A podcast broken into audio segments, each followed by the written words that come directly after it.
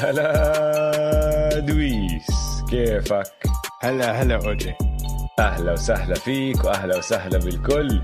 بالحلقة رقم 97 من بودكاست Man to Man على استوديو الجمهور. أنا اسمي اوجي معي زي دايما دويس. هلا والله بودكاست Man to Man اللي بنغطي عالم ال NBA بالعربي.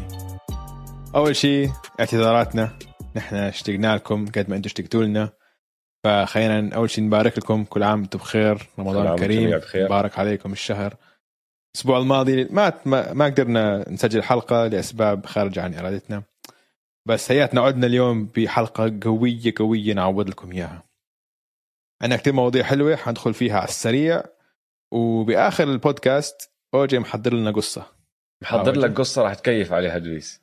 شيء أنا أظن مستحيل نرجع نشوفه. قصة مستحيل نرجع نشوف زيها بالان بي اي رهيب قرأتها رهيب. قبل يومين موتتني ضحك. وأنا بحب لما أنت تحضر وأنا بحب لما أنت تحضر قصص أنا ما بعرفها كمان. فما أوف. طلعت على ملاحظاتك ولا شيء فأنا مثلي مثلكم يا مستمعين. متحمس لنوصل لآخر كلمة بحلقة اليوم. فخلينا نبلش بالحلقة أوجي. شو صار هذا الأسبوع؟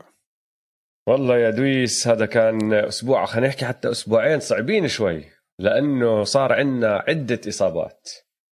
جيمس هاردن قبل أسبوعين طلع ل 10 أيام أسبوعين إشي هيك صرنا مش شايفينه على الملعب من يوميتها. جيمس وايزمان قبل أكمل يوم اضطر انصاب واضطر يطلع يعمل عملية ومش راح نشوفه من هون لنهاية الموسم.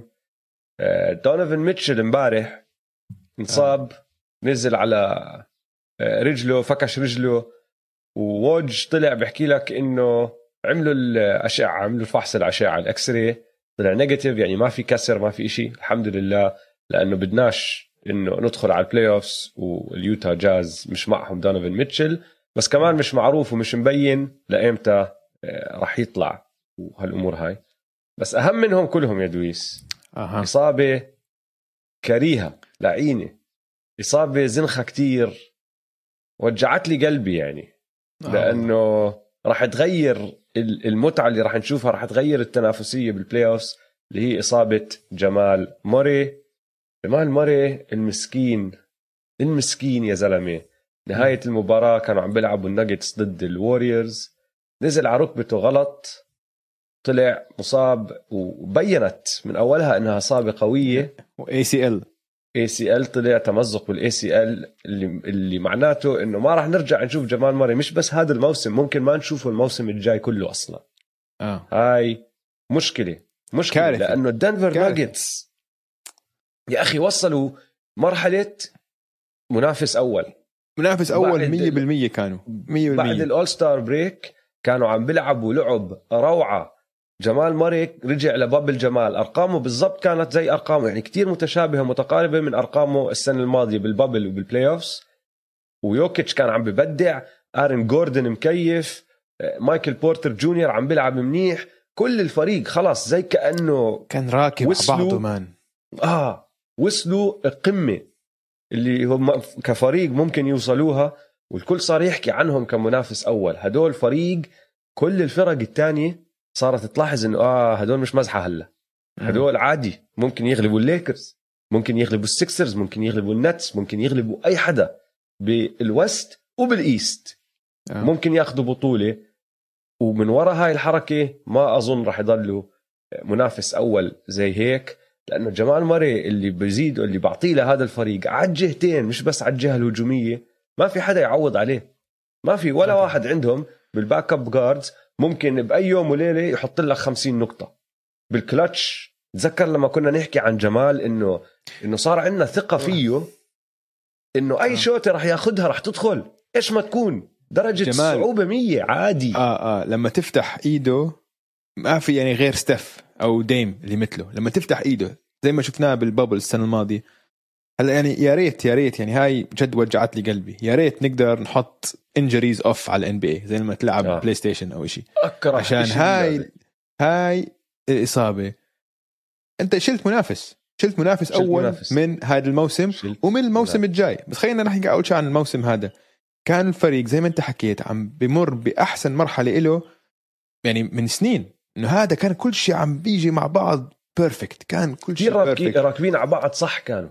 كل لاعب عم بيحكي له. دور بيلعبوا. صح 100% والتفاهم كان وعم بيلعبوا لعب جماعي وعم بيلعبوا على الجهتين منيح كانوا وجمال على الدفاع يا أخي مين بده مين بده يدافع مين بده يعطيهم اللي هو كان يعطيهم إياه على الدفاع نحن بنضلنا نحكي عن جمال ماري على الجهة الهجومية لأنه جد لما جمال زي ما أنت حكيت تفتح إيده إنه روعة روعة تقعد تحضر جمال ماري وهو سالكة معه آه إنه. جد بهبرج بصير كتلة نار على ملعب سلة أي آه. شيء بيعمله ممكن يدخل. ولا. رهيب الزلمة. بس على الجهة الدفاعية كمان underrated كان أحسن مدافع perimeter عندهم هاي السنة.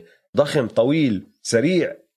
هو اللي آه. بيمسك أحسن guards بال- بالخصم لما يجي وقت الحك. هلأ مين راح. يلعب محله؟ مونتي موريس. على راسي وعيني مونتي موريس. backup point guard كويس. very solid الزلمة آه، ما عليه حكي ك backup point guard كاحتياطي. آه. بس انك تيجي تتوقع انه مونتي موريس راح يعطيك اللي بيعطيك إياه جمال مستحيل ومين ولا- كمان فاكوندو ولا فاكو. فاكو. يعني ماشي باساته حلوة كل فترة وفترة بعطيك pass حلو هادي بس بطيء ما عنده اللياقة البدنية أو القدرة البدنية اللي عنده إياها جمال وراح يستهدفوه لما يلعبوا بال playoffs على الجهه على الجهة آه الدفاعية بعدين حجمه صغير بيحارب يعني حجمه حجمه صغير. صغير يعني ما ما حد شوف ما حد ما حد بي- بيعوض على جمال ماري يعني جمال. ماري بال NBA كلها عندك بس يعني خمس لعيبة اللي بتقدر تحطهم محل جمال ماري ويلعب. خاصة أوجي خاصة أوجي. ال two man game بينه وبين يوكيتش آه. كانت يعني خلص كانوا خاتمينها خاتمينها. عندهم مليون أم، خيار بال two man game آه.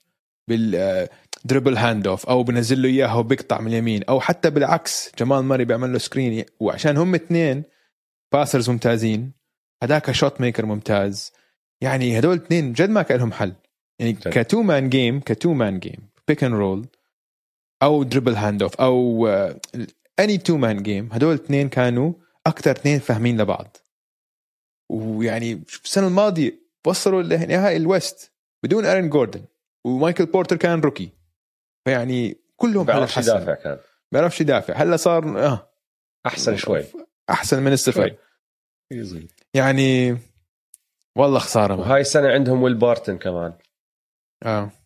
السنة الماضية ما لعب ما كان. عندهم حرام حرام يا الله حرام. والمصيبة فريق منافس أول كمان فريق متعة. فريق متعة، تنبسط. وأنت بتحضر له. مسلي. مسلي. وجمال يا أخي جمال من الناس من اللعيبة اللي إذا في مباريات بلاي عم بتصير وعندك أربع مباريات واحدة منهم دنفر دائما بتحط عينك إنه على هاي المباراة لأنه ما بتعرف شو ممكن يطلع منه ممكن هذا عادي ممكن. يخبص بيوم يحط 10 نقاط 12 نقطة بس يمكن اليوم اللي بعده يسجل 50 آه مية ولما مية. يا زلمة لما يجي وقت الحك الكلاتش تايم وجد ماشي معهم الأمور صح يا أخي كل إشي بيعمله روعة الطريقة اللي بصير يلعب فيها الثقة اللي بيلعب فيها آه. هاي بترفع فريق كامل وهلا راح يخسروها. هو كمان الإشي الثاني اللي لسه ما حكيناه هو قائدهم. قائدهم آه. المعنوي. آه. يعني خسروا الروح هو اللي بيحكي. مميز هو اللي بيحكي بس كمان خسروا قائد. شخصيته ومشان هيك للأسف الشديد جد شلنا منافس. هلا. في فريق مم. أقل ممكن يربح البطولة. اسألني قبل أسبوع مين الفرق اللي ممكن تربح البطولة؟ راح أحكي لك. الليكرز راح أحكي لك النتس الفرق هاي القوية. بس معهم راح أحكي لك الناجتس أنا مقتنع بالناجتس. كنت كل كنت حاط- أنا- اقتنع بالنسبة لي هم هاي الطبقة. إنه أكبر منافس للليكرز مثلا بال West كان الناجتس بالنسبة لي كان بلا شك. إنه لو أنا لبران أكثر فريق بخاف منه الناجتس خاصة الناجتس اللي شفناهم آخر أسبوعين ثلاثة. لبران بدأ أصلا ملاحظاته. قاعد هو هلأ معطل عم عم, ب... عم بدرس. بعافي حاله. آه. بال cryo chamber تبعه بيعمل هالأشياء الغريبة اللي بيعملها لبران بس قاعد بيحضر مباريات الناجتس. أنا متأكد قاعد باخذ ملاحظات عشان بيعرف إنه هذا فريق جد هذا فريق إذا لعبوا ضده الليكرز راح يغلبهم. يا الله. بدون جمال ما راح يصير هالحكي. إصابة كريهة يا أخي. أوجي بتعرف شو الم- لسه المصيبة الاكثر إنه هذا أسوأ وقت ممكن تجيك هاي الإصابة. عشان هاي الاصابه بدك بدك 12 شهر بدك سنة كاملة تعافى منها. السنة الجاي الجدول راح يرجع جدول طبيعي طبيعي فنحن بشهر أربعة بنص أربعة السنة الجاي بنكون حنبلش ال playoffs فهو لا يرجع على الملعب أول playoffs سنة السنة. الجاي فلسه بده وقت يعني فأنت هلا ضيعت موسمين للناجتس. وما بتعرف شو بصير بعد سنتين بعد سنتين ارن جوردن بخلص عقده بعد السنة أها. الجاي. آه مايكل, مايكل. بورتر جونيور بصفي بده تمديد لأنه بخلص عقده ال rookie بدك تعطيه مصاري. فهمت. علي؟ يعني كيف بدك تخبي هذا ال core أو ت- ت- تحافظ على هذا ال core وتتأكد إنه أنت راح تنافس لثلاث أربع سنين؟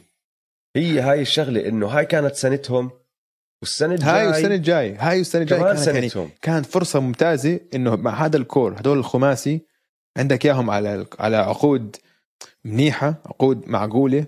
ممكن يضلوا تحت سقف الرواتب ممكن حتى يضيفوا كمان لاعب السنة الجاي. بس آه، يا الله تقهر. تقهر للأسف. للأسف الشديد هذا كان أكبر خبر آه هذا الأسبوع. هلأ كمان طلع خبر تاني عن مش إصابة عن غيابات. عندنا غيابين بدنا نحكي فيهم. واحد على السريع آه زاك لافين انحط بالبروتوكولات تبعت ال- الدوري. شكله مخالط ناس ما بنعرف بالضبط بس ممنوع يلعب من هون لأسبوعين تقريبا 10 أيام لأسبوعين عم بيحكوا. هذا كمان ال- ال- ال- الإشي اجى بوقت كتير سيء للشيكاغو بولز. من الشيكاغو بولز وضعهم معه أصلا صعب وكانوا آه. عاشر وعم بيخسروا مباريات ورا بعض. يعني أظن كانوا خسرانين آخر أربعة معه وعم عم بيعانوا إنه بدهم يدخلوا هم ال play-in ونحن عارفين هذا الحكي لأنه الصفقة اللي عملوها بال trade deadline ما كانت صفقة للمستقبل كانت صفقة لأنه هلأ بدنا نفوز هلأ بدنا ندخل ال playoffs وجابوا فوتشيفيتش فوتشيفيتش عشان هذا الإشي وهلأ طالع لافين بوقت عم بيخسروا بيعانوا وهلأ نزلوا صاروا مركز 11 طلعوا عنهم الرابترز فأنت عم تحكي إنه هذا فريق وال- ممكن هلأ يروح على ال playoffs والويزردز كمان الويزردز وراهم. معهم صاروا صح؟ شيء هيك؟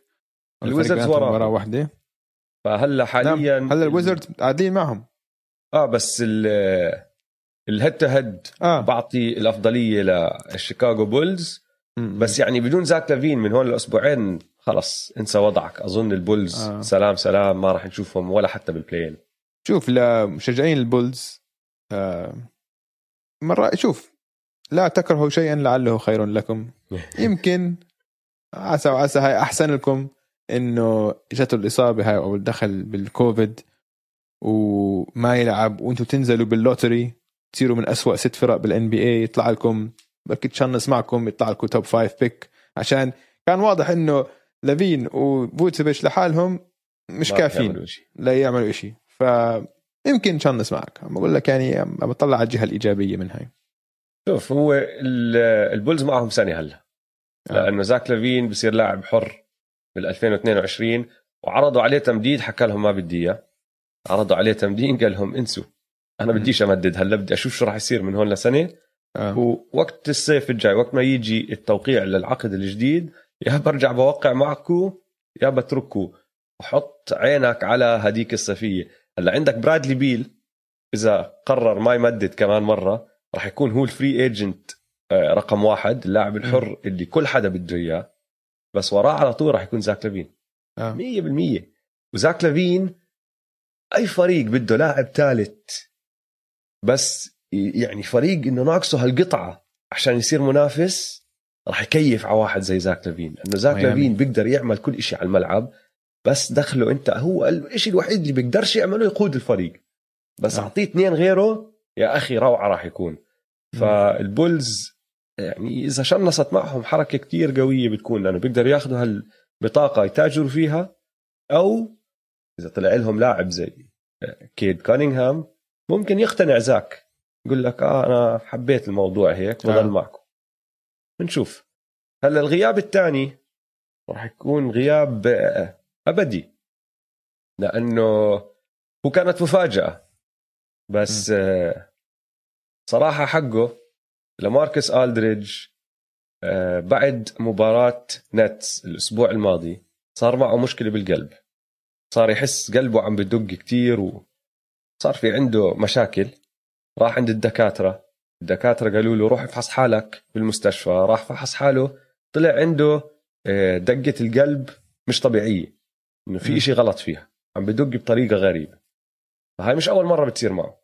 قبل أكمل سنة راح عليه نهاية الموسم لأنه صار معه مشاكل قلبية. وهاي شغلة بتخوف شايفينها نحن باكثر من رياضة. ناس عندهم مشاكل زي هيك شايفين لعيبة إنه بتصيبهم جلطات على الملعب نفسه. فلاماركوس ألدريدج خف عقله وقال لك رجع من المستشفى وحس لسه أسوأ صار الوضع. قال لك انسى وضعك أنا ما راح أرجع لعب وعلى تويتر نزل رسالة واعتزل. والمسكين يا زلمة حرام لأنه لاماركوس صار له بيلعب من 2006 آه. هاي أكثر سنة كان عنده فيها فرصة إنه يربح هالخاتم. آه. ف...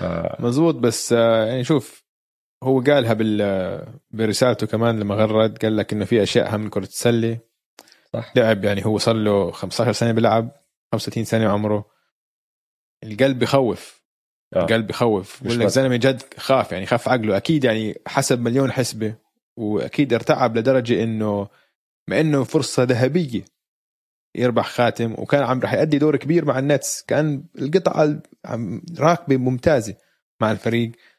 بس يعني طبعا لازم الأخيرة يعني كرة السلة بس مو صحته أهم. يعني. انت هي الصحة أهم وقال لك فكر بعيلته فكر بمرته وأولاده. ونحن زي ما قلت لك شايفين قصص صايرة على الملعب. ريجي لويس يعني سلة وقدم صايرة كتير كمان. فصحته أهم وخلص عمل قراره وحقه صراحة. يعني حرام. شوف م. بس آه، بدنا نتذكره بشغلة لاماركوس ألدريدج أظن صار شوي underrated آخر أكم من سنة. عشان كبر بالعمر ومستوى السبيرز تراجع شوي بس لاماركوس ألدريدج يا أخي كان لاعب روعة. وبدي اعطيك اكم رقم بس عشان تفهم قديش يا دويس هذا الزلمة الأشياء اللي أنجزها بمسيرته اللي ما فيها خواتم اللي ما حتى وصل ال finals بس عمل أشياء كتير حلوة وراح راح أعطيك اكم رقم عشان تعرف كيف تقارنه أو مع مين بتقارن. لاماركوس بال regular season لعب 1029 مباراة بمسيرته. زي ما حكينا كان الخيار الثاني ب 2006 صاروا البولز وعملوا صفقة سريعة وبعتوه على بورتلاند ولعب أغلب مسيرته مع بورتلاند بعدين راح على سبيرز لعب أكم سنة وهلأ هاي السنة بعد ال buyout راح عند النتس. فبال 1029 مباراة اللي لعبهم مع هدول الثلاث فرق سجل 19951 نقطة. لم 8478 rebound أعطى 2034 assist وبلك 1140 block في 12 لاعب بتاريخ ال NBA أنجزوا هدول الأرقام بمسيرتهم بس 12 لاعب وكلهم يا دخلوا ال Hall of Fame يا راح يدخلوا ال Hall of Fame أول ما يصح لهم. يعني ديرك نويتسكي على سبيل المثال واحد منهم لسه ما دخل 100% داخل. آه. لماركس اختاروه ك All-NBA من أفضل ثلاث فرق بال NBA خمس مرات. عنده اختيارين ك second team وثلاث اختيارات third team بكل تاريخ ال NBA برجع بعيد بكل تاريخ ال NBA في بس 49 لاعب عندهم اختيارات لل All-NBA أكثر من لماركس ألدريدج نفس الشيء كلهم يا دخلوا صالة المشاهير يا 100% راح يدخلوا. م. عنده سبع اختيارات All-Star لو بدك ترجع تطلع على كل تاريخ ال NBA من موسم ال 54 لل 55 اللي هو أول موسم كان فيه shot clock فدائما بيحكوا لك هذا ال shot clock era تغيرت اللعبة شوي. فمن هذاك الموسم لليوم في 78 لاعب فقط عندهم اختيارات All-Star أكثر من لماركس ألدريدج 66 منهم اعتزلوا.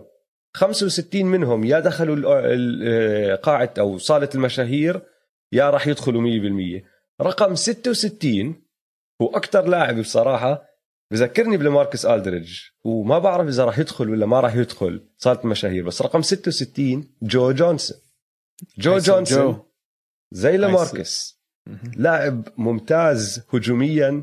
لاعب كان كتير كتير رائع باللي بيعمله بس ما عمره كان أحسن لاعب بمركزه أو أحسن لاعب أو من ضمن أحسن خمس ست لعيبة بال NBA بس كان زلمة لما يلعب اللي عم بيعمله عم بيعمله بطريقة كتير حلوة. روعة. لماركز زيه. ما عمره كان أحسن power forward بال NBA. ما يعني مر عليه أيام هون هناك. كان دائما أول عزه كان في عندك جارنيت وكان في عندك دانكن وبعرفش مين نويتسكي هلأ صار عندك الجيل الجديد. وما عمره كان من هدول ال top بس كمان يعني عنده الاستمرارية قوية. تعرف إنه لماركس ألدريدج 13 سنة ورا بعض معدله كان 17 نقطة وأكثر آه. ف يعني لاعب حلو لاعب رائع لاعب اشتاق. له. آه محترم. وبدي أنهي بس بقصة سريعة عنه. قرأتها بمقال هذاك اليوم وأنا عم بقرأ عن اعتزال لماركس ألدريدج. تعرف كيف عنده تسديدة غريبة شوي كتير عالية. ال release point تبعه كتير عالي. هو أصلا خلقه طوله 6'11 وضخم وكبير. فكتير صعب تبلك تسديدته مشان هيك صار ال mid-range master اللي نحن بنعرفه إنه لعبته ال mid-range تعرف كيف زبط هاي التسديدة أو ليش عنده إياها؟ لا. لما كان بالجامعة أول سنة له بالجامعة كان freshman انصاب بخصره ما قدر يلعب. الموسم كله ما قدر يلعب مع الفريق تبعه بس كان يجي على التمرينات تبعتهم وقاعد على الكرسي ال wheel تبعه. مش قادر يوقف يشوت أو يلعب معهم أو يتدرب معهم. كان يقعد على هذا الكرسي تبعه ويشوت يتدرب على التسديدة. عشانه قا... عشانه قاعد على هذا الكرسي صار عشان يرتاح يرفع إيديه أكثر شوي وي- ويشوت من فوق راسه. وقعد أشهر بيعمل هذا الحكي. لما رجع الموسم اللي بعده على الجامعة يلعب تاني سنة له هناك لاحظ إنه خلص تسديدته الطبيعية هيك صارت. ولليوم هيك. ومشان هيك لماركس ألدريدج لما تشوف تسديدته دائما ال release point كتير عالي وكتير فاده هذا الإشي بمسيرته. وخلص هاي هي شو بدنا نحكي. best of luck يا لماركس. وداعا إلى لماركس. fast break سريع. خش على ال fast break يلا. يلا. أعطيني ال beat OG تفضل. للأسف لعنة الإصابات صابت فريق عزيز علي كتير. جمال ماري انتهى موسمه بعد ما صار معه تمزق بال ACL الناجتس لساتهم مرتاحين بالمركز الرابع. أكيد مرتاحين لما يكون عندك واحد زي نيكولا يوكيتش عم بيقود فريقك. بس خسارة ماري ما بتتعوض وصعب ينافسوا على اللقب بدون جمال ماري ال MVP مرشح ال MVP الثاني. جويل امبيد رجع على الملاعب مع السكسرز والسكسرز لسه عم بقدموا أداء ممتاز هذا الموسم. وجويل مستوحش على الجهتين. السكسرز لساتهم بالصداره بالشرق وحاليا هم عندهم أفضل تقييم دفاعي بال NBA هذا الموسم. باقي الشرق معظمهم خرطي. الشرق عندك بس ثلاث فرق فوق. بعدين في مسافة طويلة للمركز الرابع وشكله ولا حدا بده المركز الرابع. يعني لو بتنزل لتحت لآخر المراكز مراكز ال play-in يعني حتى الرابتورز اللي عم بيحاولوا يسووا ال tank وعم بيريحوا كل لاعبتهم لا- ملاقين حالهم اليوم بالمركز العاشر وعم بيلعبوا بال play-in tournament أكيد مساي عم بنتف شعره. بقول لك شو هاد؟ إن شاء الله حد يطلع عنا ويفوزوا. آه، في الغرب الكليبرز مع روندو شكلهم أزلم بصراحة. فازوا سبعة ورا بعض قبل ما يخسروا من السكسرز امبارح بس كانوا بدون كواي. الجاز لسه بالصداره بس شكلها إصابة آه، ميتشل آه، خفيفة إن شاء الله خفيفة. بس السانز وراهم وراهم. فيمكن إذا غاب شوي عن الملاعب آه، ميتشل يتفوقوا عنهم السانز ويصيروا المركز الأول بال West يعني كريس بول point guard وختام ال fast break مسك كالعادة. أحكي عن كاري ولوكا. لوكا وكاري. يعني نجمين أسطورتين. واحد بأول مسيرته واحد لسه بعز مسيرته. كل ليلة بورجونا إشي بحياتنا ما شفناه. ستيف مولع معه. تحسه عم بيلعب video game عم بيلعب هيك. ولوكا كأنه زلمة كبير عم بيلعب مع أولاد صغار إنه على كيفه اللعبة.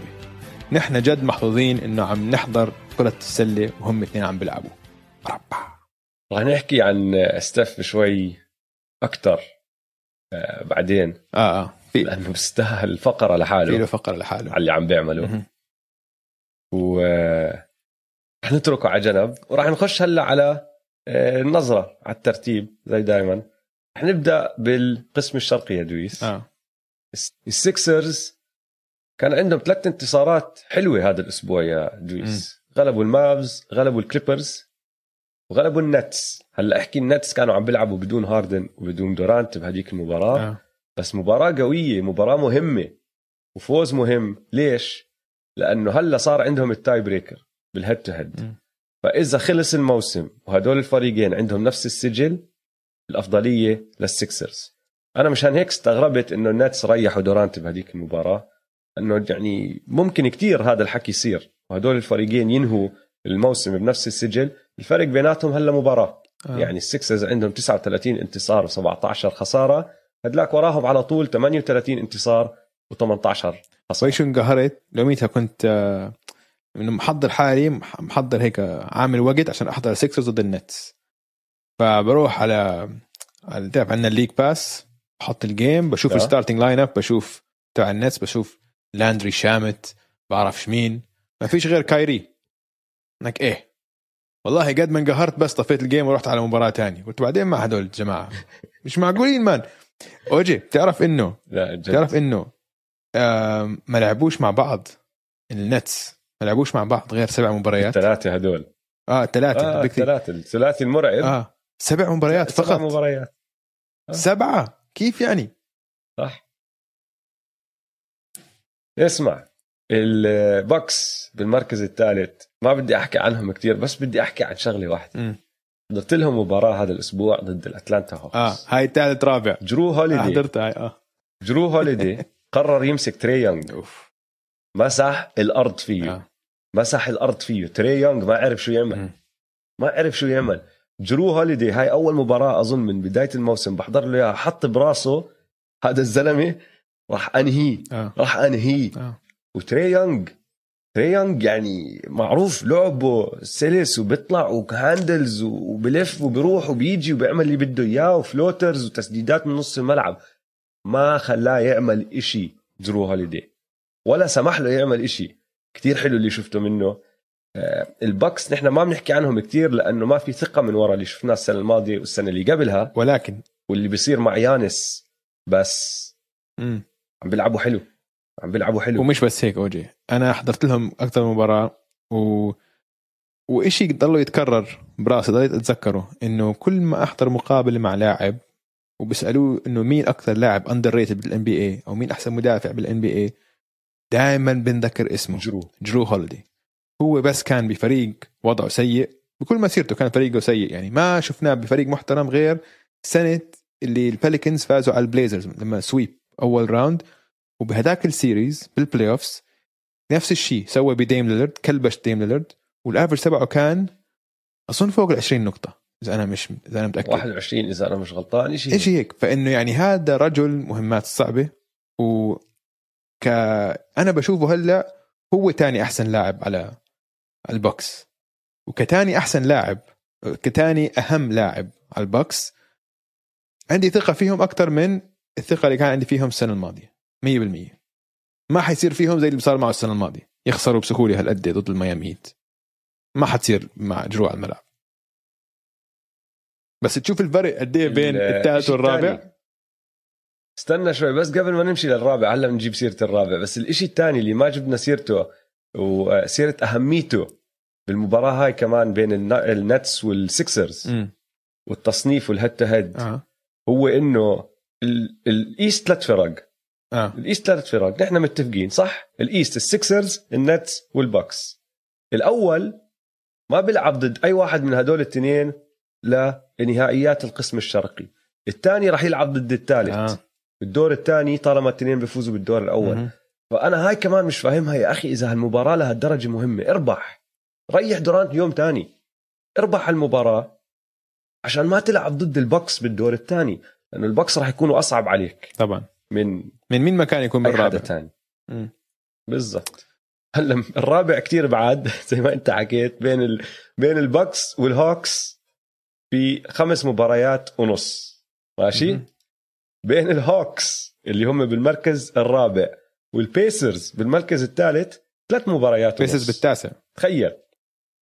إيه، بالتاسع. آه. ثلاث مباريات ونص. فأنت عم تحكي من الرابع للتاسع الفرق أقل من بين الثالث والرابع. م. وحاليا الهوكس بالمركز الرابع بس سجلهم نفس سجل السلتكس. وراهم بالضبط النكس. النكس مسافحين فايزين خمسة ورا بعض. والسلتكس فايزين بعض خلينا نوقف على السلتكس شوي. السلتكس آه. حلو. أنا عندي نظريات. قول لي قول لي شو نظريتك أنت؟ في عدة عوامل عشان أحكي لك أنا شو رأيي بالسلتكس. في عدة عوامل عم بتأدي لهذا اللعب الحلو تبعه. okay. اولا بطل في دانيال تايس. دانيال تايس شكله عليه لعنة. لا يا زلمة ليش؟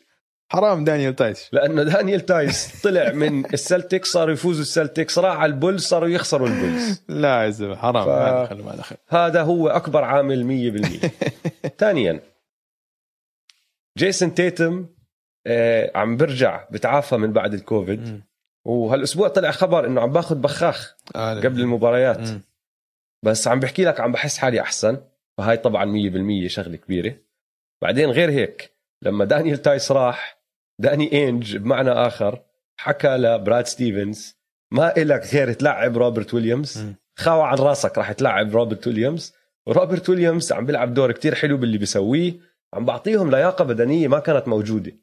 وببلك وبنط وهيك. ارقامه مش هالشيء يعني 10 نقاط 9 rebounds ثلاثة assist بس إنه حلو لعبه وعم بعطيهم شوية طاقة.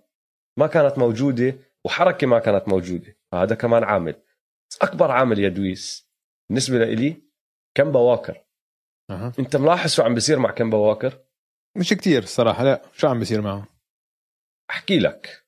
كمبا واكر نسبة الاستخدام تبعته ماشي هلأ بشهر أربعة 20 تقريبا 21% نازلة من 25% بشهر ثلاثة 28% بشهر اثنين 29% بشهر واحد. عم بيستعملوه أقل. حلو. ماشي؟ غير هيك ال assist rate تبعه معدل ال assist تبعه طلع لسبعة بشهر أربعة خمسة بشهر ثلاثة أربعة ونص بشهر اثنين أربعة بشهر واحد. التسجيل بالعكس التسجيل بهذا الشهر اللي هو شهر أربعة 14 نقطة بالمباراة نازل من 18 بشهر اثنين كان 20 نقطة. كيمبا واكر عم بتحول لصانع ألعاب أكثر من ما هو scorer. وهذا كان ناقصهم. بيركز على صناعة اللعب والتمرير أكثر من ما هو عم بيركز على التسجيل. وهذا الحكي عم بيساعد السلتكس كتير كتير. آه. فهذا أنا أظن أكبر عامل للعلم عم بيصير معه حلو. أنا عندي عوامل تانية كمان. إضافة آه. أنا بتفق مع اللي حكيته إلا عن دانيال تايس مسكين ما دخله. الزلمه أول إشي أنت رجعت روح الفريق رجع من الإصابة اللي هو مارك سمارت. مارك سمارت. آه دفاعه والمجهود اللي بيبذله على على الجهتين هاي ما بتقدر ما الإحصائيات ما ما بتعبر عنها. لما تشوفه على الملعب تقول إنه آه هذا اللاعب عم بيعمل دور كبير. طلع بالأخير عنده 12 نقطة ولا كذا بس ما دخل. هذا كتير مهم لنجاح السلتكس. تيتم أنت حكيت عنه بشهر أربعة معدل 28 نقطة وعم بشوت تريات آه، بنسبة 41% يعني ك- فعالية كتير عالية. براون نفس الشيء كمان معدله 25 نقطة عم بشوت 45% من الثريات وكل هذا أجى بدون فورني فورني لعب كم مباراة منيحة بعدين راح دخل بروتوكولات ال- الكوفيد. وهاي هي. مشكلتهم كانت الكوفيد. الكوفيد س- نثرت فريقهم. كل لعيبتهم راح عليهم مباريات. أظن هم تاني فريق بعد المافريكس لا هم الأعلى. أعلى ولا تاني أعلى بعد هم المافريكس الأعلى هم الأعلى وبأعلى بفريق سمعت ال- متأكد؟ سمعت الرقم هذاك اليوم ما بتذكر وين بس كانوا هم هم رايح عليهم 140 مباراة. من لاعب آه. يعني ك... كمجموع اللعيبة رايح عليهم 140 أو تحت ال 140 بشوي. وراهم المافريكس وراهم ال... الرابترز. هدول أكثر ثلاث فرق اتدمروا من وراء الكورونا. الفرق بينهم وبين المافريكس 30 مباراة تقريبا ولا 25 مباراة. أوف. يعني أكلوا هوا المساكين. wow. آه ف فهلا خلاص رجعوا كلهم تعافوا والفريق شكله جاهز. فهمت علي؟ ف هلا فايزين خمسة ورا بعض. شكلهم عم بيقربوا على المركز الرابع. برافو. حلو. لو أنت مشجع السلتكس هلا بكون وضعك تمام عشان كان في فترة كنت خايف عليهم كثير هلا لا شكلهم عم ضبطوا وضعهم. طيب خايف على الهيت. إذا مش عارف. مش عارف. يعني لا. يعني, الهيت حاليا سابع. يعني لسه بقتنع إنه لو خسرانين ثلاثة ورا بعض. آه. والسبب الوحيد اللي بعدهم سابع ومش أقل هو إنه الهورنتس خسرانين أربعة ورا بعض. آه. مش عم بيلعبوا منيح والهورنتس نزلوا أكثر منهم. مم. يعني شوف لسه لسه بثق بسبوسترا بثق بجيمي باتلر بثق في بام. إنه هدول بس عم بيحاولوا يوصلوا لل- لل playoffs بس لازم هيك ير- يحطوا لهم كم مباراة هيك عشر مباريات لأنه تشوف هيك استمرارية أكثر شوي. وعم بيعانوا بال scoring على الجهة الهجومية. دفاعهم ممتاز. وللأسف أولاديبو انصاب كمان مرة. أولاديبو إيش شو آخر خبر عن أولاديبو؟ حيرجع بالموسم ولا ما حيرجع؟ كان اخر شيء قريته؟ إنه لسه عم عم بيفكروا بالموضوع ومش عارفين إيش أحسن إجراء ياخذها فلما يحكوا هيك معناته عم بيفكروا إذا هي يعملوا عملية ولا لا. إذا عم إذا هذا إذا هذا القرار اللي عم بيحكوا عنه. ف هو متأكد أنا هو ما بده يعمل عملية عشان هو بده يرجع يلعب مع الهيت عشان يلعب بال contract هو عم بيعمل audition هو بده الهيت يوقعوه ك free agent السنة الجاي. هذا حلمه. بس إذا ما بيلعب وضله ينصاب بات رايلي ما حيثق فيه وما حيوقعه. السباق الثاني الحلو آه, آه، بال East هو سباق المركز العاشر. آه. هو مسلي مش كتير مهم ما له داعي أنا متسلي فيه لأنه فريقي فيه الرابترز فيه بس في ثلاث فرق عم بي عم عم بلاحقوا المركز العاشر آه. عشان يدخلوا ال play-in tournament ويتطقعوا من حدا اللي هم الرابترز البولز والويزردز الرابترز البولز والويزردز حاليا ورا بعض 10 11 و12 وكل يوم وليلة عم بيطلع واحد بينزل الثاني آه. فجبنا سيرة ال Bulls قبل شوي وعم بيلعبوا بدون زاك لافين إذا ما زبطت أمورهم ما أظن راح تزبط يعني بدون زاك لافين. اظن بنزلوا لك تحت للمركز ال 12 بتصفي بين ال Raptors وال Wizards. وبصراحة يعني مش زعلان إذا هدول أو هدلاك بيفوزوا يعني إذا ال Raptors خشوا على ال play-in ولعبوا بكامل قواهم في احتمالية يدخلوا ال play-in إذا لاوري رجع وسياكم رجع وفان فليت عم بيلعب. آه. يعني إذا أنت الفريق التاسع إذا أنت ال Pacers ولا ال Hornets في احتمالية كبيرة إنه هذا الفريق يغلبك ويدخل ال playoffs عشان يتطقع من ال Nets أو ال Sixers بس الويزردز كمان يعني حابب أشوف راسل وبرادلي بيل بالبلاين كمان. حابب أشوف راس فريق أكثر من برادلي فريقهم سيء من يعني. حضرت له اليوم مباراة ضد الباليكنز بايشو كانت بتنرفز على الجهتين. على الجهتين. استلم بس بالآخر هو استلم بس الجيم كانت سيئة. أوجي. سي... جيم. بدافعوش نو ولا حتى. نو نو انسى الدفاع. انسى إنه ما في دفاع. ك فريق مش فرق مش مرتبة. هذول اثنين الفرق هذول اثنين ما بيستاهلوا يوصلوا ال playoffs هم اثنين همل. مدربينهم همل. خططهم الهجومية همل. لاعبتهم همل. والله كلهم همل. ما بيستاهلوا. في في في لقطة أو فيديو حضرته هذاك اليوم. واحد ماسك highlights لراسل وحاطط موسيقى بتحزن ورا وقاعد بورجيك أكمن pass بجنن رائع آه. عم بوصل للعيبة بيلعبوا معه تحت الرم سلالم بيخترق وبعطيك الباس إنه ما عليك غير تحطها وبيفكحوها آه.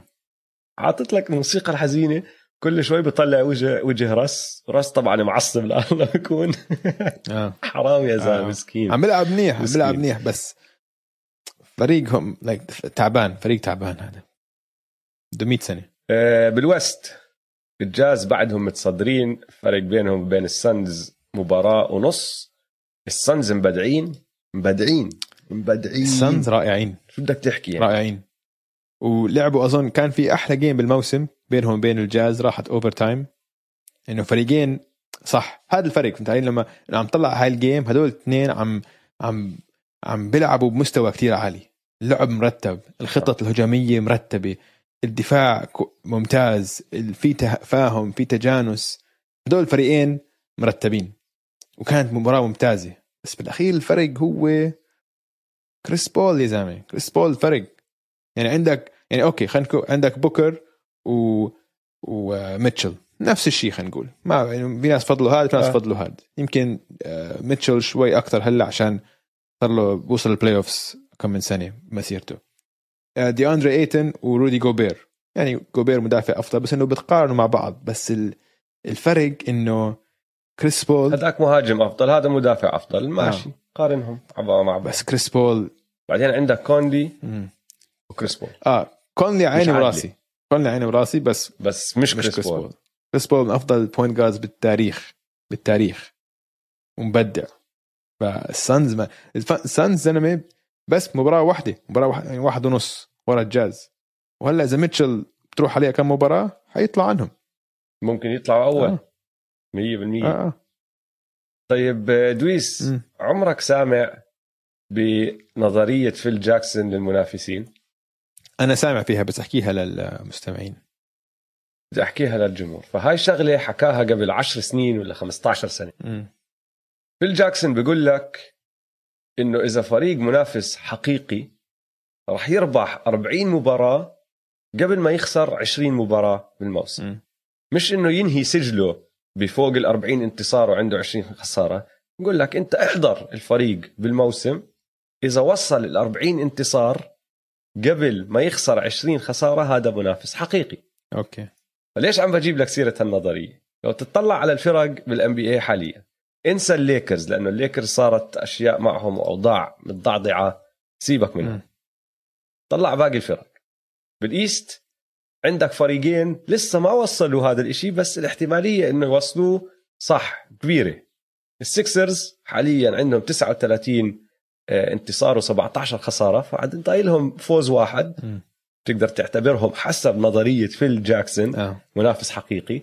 وال Nets وراهم 38 انتصار و18 خسارة. بدهم انتصارين قبل ما يخسروا مرتين عشان يكونوا منافس حقيقي. حلو. طلع على ال West ال West عندك فريقين وصلوا هذا الإشي. مهم. عندك الجاز 42 آه، انتصار و14 خسارة 100% منافس حسب نظرية فيل جاكسون. وراهم ال Suns على طول 40 انتصار و15 خسارة. مين بالمركز الثالث حاليا بال West ال Los Angeles Clippers. وسجلهم يا دويس 39 انتصار و19 خسارة.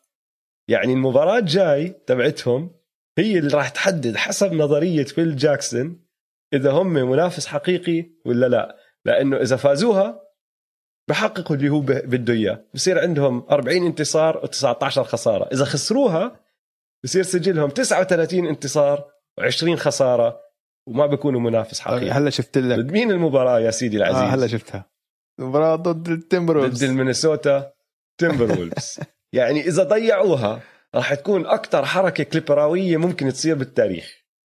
أكثر حركة كليبراوية. اسمع أنا كثير بتوقع يضيعوها. خلي عينك على هاي المباراة كثير بتوقع. يضيعوها هاي المباراة. عن جد كثير هاي الحلقة إن هاي الحركة إنه يضيعوها ضد واحد من أسوأ الفرق بال NBA إيه ترى على بطل سيره ال Minnesota بطل أسوأ فريق هذا لاحظت. إيه. بصير أعطيك آه، معلومة صغيرة. امبارح بطل أسوأ فريق صار ثاني أسوأ فريق. آه هلا ال Rockets اسوء منه. آه. بس آه، ال Minnesota Timberwolves يا سيدي العزيز مم. لما يلعبوا KAT و D'Lo بنفس المباراة سجلهم خمس انتصارات وأربع خسارات هذا فريق مرتب مع هدول الاثنين فمستقبلهم باهر. مستقبلهم واحد بتسع مباريات. صار لهم سنة ونص بيلعبوا مع بعض. لعبوا تسع مباريات فازوا خمسة خسروا أربعة. فأكيد هذا ال core لازم يضل زي ما هو. أكيد آه. طبعا أنا عم بمزح يا. إخوان. من مرة مش فارقة معي. هذا الفريق ومن مرة ما عندي ثقة بهذا ال core. آه. غيروهم. ولا أنا. طنطات. الليكرز خامس حاليا. صراحة يعني فاجئوني أبدعوا. أبدعوا بدون لبران. أبدعوا أبدعوا. آه. عبلاطة. آه. آه. أبدعوا. ضلوا. الشباب صمدوا. ماشي عندهم خسارات أكثر من انتصارات بس كتير أسوأ من هيك توقعتهم آه أنا كمان. يكونوا. توقعتهم اسوء وهي أنتوني ديفيس المفروض راجع لهم هالأسبوع. لبرون كمان أسبوعين ثلاثة ف آه، وضعهم أظن تمام. مم. وبعديهم على طول عندك ال Blazers. هلا. ال Blazers هاي مهمة. ال Blazers وال- وال Mavericks بيناتهم جيمتين بس المركز السادس كثير مهم. المركز السادس بتجنب؟ ال play-in tournament بالضبط. يعني انت المركز السادس مضمون بال playoff ولوكا مم. لوكا ومارك كيوبن مش عاجبهم هذا الإشي. هذول بس إنه في play-in آه. tournament شو رأيك انت بهاي؟ طلعوا. تصريحاتهم؟ طلعوا بتدمر. يعني اولا مارك كيوبن آه، من من الملاك اللي صوتوا لل play-in tournament كلهم صوتوا. ثانيا كلهم صوتوا آه. آه آه 30 مالك 30 صفر كان التصويت آه فهو منهم يعني. آه. وال play-in كتير كتير حلو لأنه بزيد أهمية للمباريات هاي اللي بآخر الموسم اللي بالعادة ما بيكون لها أهمية. هو طلع بيشتكي إنه يعني ليش نحن نض- نضطر نلعب لعيبتنا بآخر الموسم؟ طيب يا أخي ما هاي فكرة ال play-in. tournament نحن بدنا نشوف لعيبتكم. بالضبط. بدنا تنافسية. ما بدي أشوف فريقك عم بريح نص لعيبته عشان مش فارقه مع فارقه معه المباريات. فاطلعوا من راسي. يعني لو شديتوا حالكم من الأول يا Mavs كان ما بتلعبوا بالمركز السابع كان طلعتوا خامس رابع بس أنتم بديتوا الموسم بطريقة كثير سيئة. شوف هم بدوا بطريقه سيئة عشان كانوا كمان متنثرين إصابات وكوفيد بس خلينا نحكي عن لوكا شوي. شفت آه. ال buzzer beater تبعته؟ هذيك اليوم ضد Memphis؟ شفتها. ال floater اللي من آخر الدنيا. مين بشوف floater من آخر الدنيا يعني؟ ال floater كانت perfect perfect اوجي يعني swish و ما يعني هاي مش حظ. هاي لو بعيدها تسع يعني لو بعيدها 10 مرات بجيبها سبعة. فهمت علي؟ هو بقول لك ما كان شايف ال rim. ما كان شايف بس لهالدرجة هو بس عارف وين. آه لهالدرجة هو بس عارف وين. لهالدرجة هو موهوب وجد هو عبقري كرة سله يعني هو بتشوفه دائما بالتحماي. يعني هذيك اليوم كان في فيديو كمان هو عم بيلعب كرة قدم. برا الملعب تقريبا. آه. ورا ورا ال ring برا الملعب. قاعد بيصمد بيلعب بركبه وكذا. بعدين بيمسكها وبيشوت. بشوت هيك بيرميها لفوق وبتدخل. وبيطلع من الملعب. هاي الأشياء هاي مش يعني مش حظ هاي. مش حظ. هو دائما بيلعب هيك عشان قد هو بيستمتع بكرة السلة دائما بتلاقيه بيحاول هيك تسديدات هيك غريبة. وفي كتير videos على الإنترنت وهو عم بيعمل إنه عم بيسجل تسديدات إنه خيالية إنه كيف هاي؟ حتى المدرب تبعه بيقول لك ما بتصدق كم مرة خسرت شرط معاه إنه يكون هو بآخر الملعب بيقول له بيقول له بيقول له coach coach بدك تشارط إنه أنا هاي بدي أسجلها من هون؟ بقول له okay بكون معاه ثلاث محاولات بسجلها أو مرات المحاولة الأولى بسجلها. بس زي ما الطريقة اللي بيلعب فيها لوكا مش طبيعية غير طبيعية. عنده ال step back في كم من step back آخر أسبوعين البعد تبع ال step back يعني okay جيمس هاردن أول واحد بلش step backs من ال threes بس جيمس هاردن على الخط ال step back بيروح ال step back من جوا الخط لبرا الخط. لوكا بيكون برا الخط وبرجع لورا زيادة كمان. يعني المسافة اللي عم بيشوت منها على ال step back غير طبيعية. إنه ما حد بال NBA بتاريخ ال NBA سواها. عداك من ال playmaking وقراءة اللعب والحجم عشان هو قوي كمان. فيعني كبير, كبير وذكاء و يا زلمة هذا هذا سقفه يعني ما له حدود. كثير ما له حدود. كثير ولا حدا من الجيل الصاعد بيقرب عليه. اسمع. لا Tatum ولا يانس ال... ولا ولا Zion ال... ولا حدا. ال floater هاي ال game winner اللي عم تحكي عنها المشكلة وين؟ من ناحية ال Grizzlies. إنه لعبوها صح؟ آه. ما عملوا إشي غلط. مش إنه غلطوا آه. وطلع هم عارفين الطابة لمين رايح. ال double وصلوا. اجى ال trap و... ويلا دخلوها الطابة ال Mavs. ال double وصلوا. دخل من بين زرق من بين ال double. حط floater إنه يعني شو عم تعمل لوكا؟ حتى شو هال شو حتى زملائه ما صدقوا. اللي على ال bench. اللي على الملعب آه. لاحظوا إنه ترى هاي 3 وفزنا ال game هلأ. اللي آه. اللي على ال bench سمعت جي جي ريدك بيحكي عنها على البودكاست. بيقول نحن كلياتنا ملخومين على ال bench. ومارك كيوبن كمان إنه إنه مستحيل shot floater من ال three إنه أكيد كان كان قريب عشان لما لما قد ما كان عليها قد ما كان عليها قوس عالي وهي بالهواء هو ضله يمشي. فلما لما نزلت من الشبكة كان هو تحت الشبكة تقريبا. فاللي على ال bench البعيد فكروه إنه كان قريب كان عند ال two shots أو شيء سوى floater يعني. بس لا سوى floater من ال three رائع. لوكا magic سحر. وب... واسمع وبتشوفه لما لما مرات بعد الفاول أو شيء برميها هيك رمي طوي... رمي هيك برميها بالسماء وتدخل بيعمل هو وستيف كاري بيعملوها. wow man. wow wow. لوكا. ال Kings خسرانين تسعة ورا بعض بس حبيت أحكي هذا الإشي. وخلص خلينا نمشي. خلينا نمشي.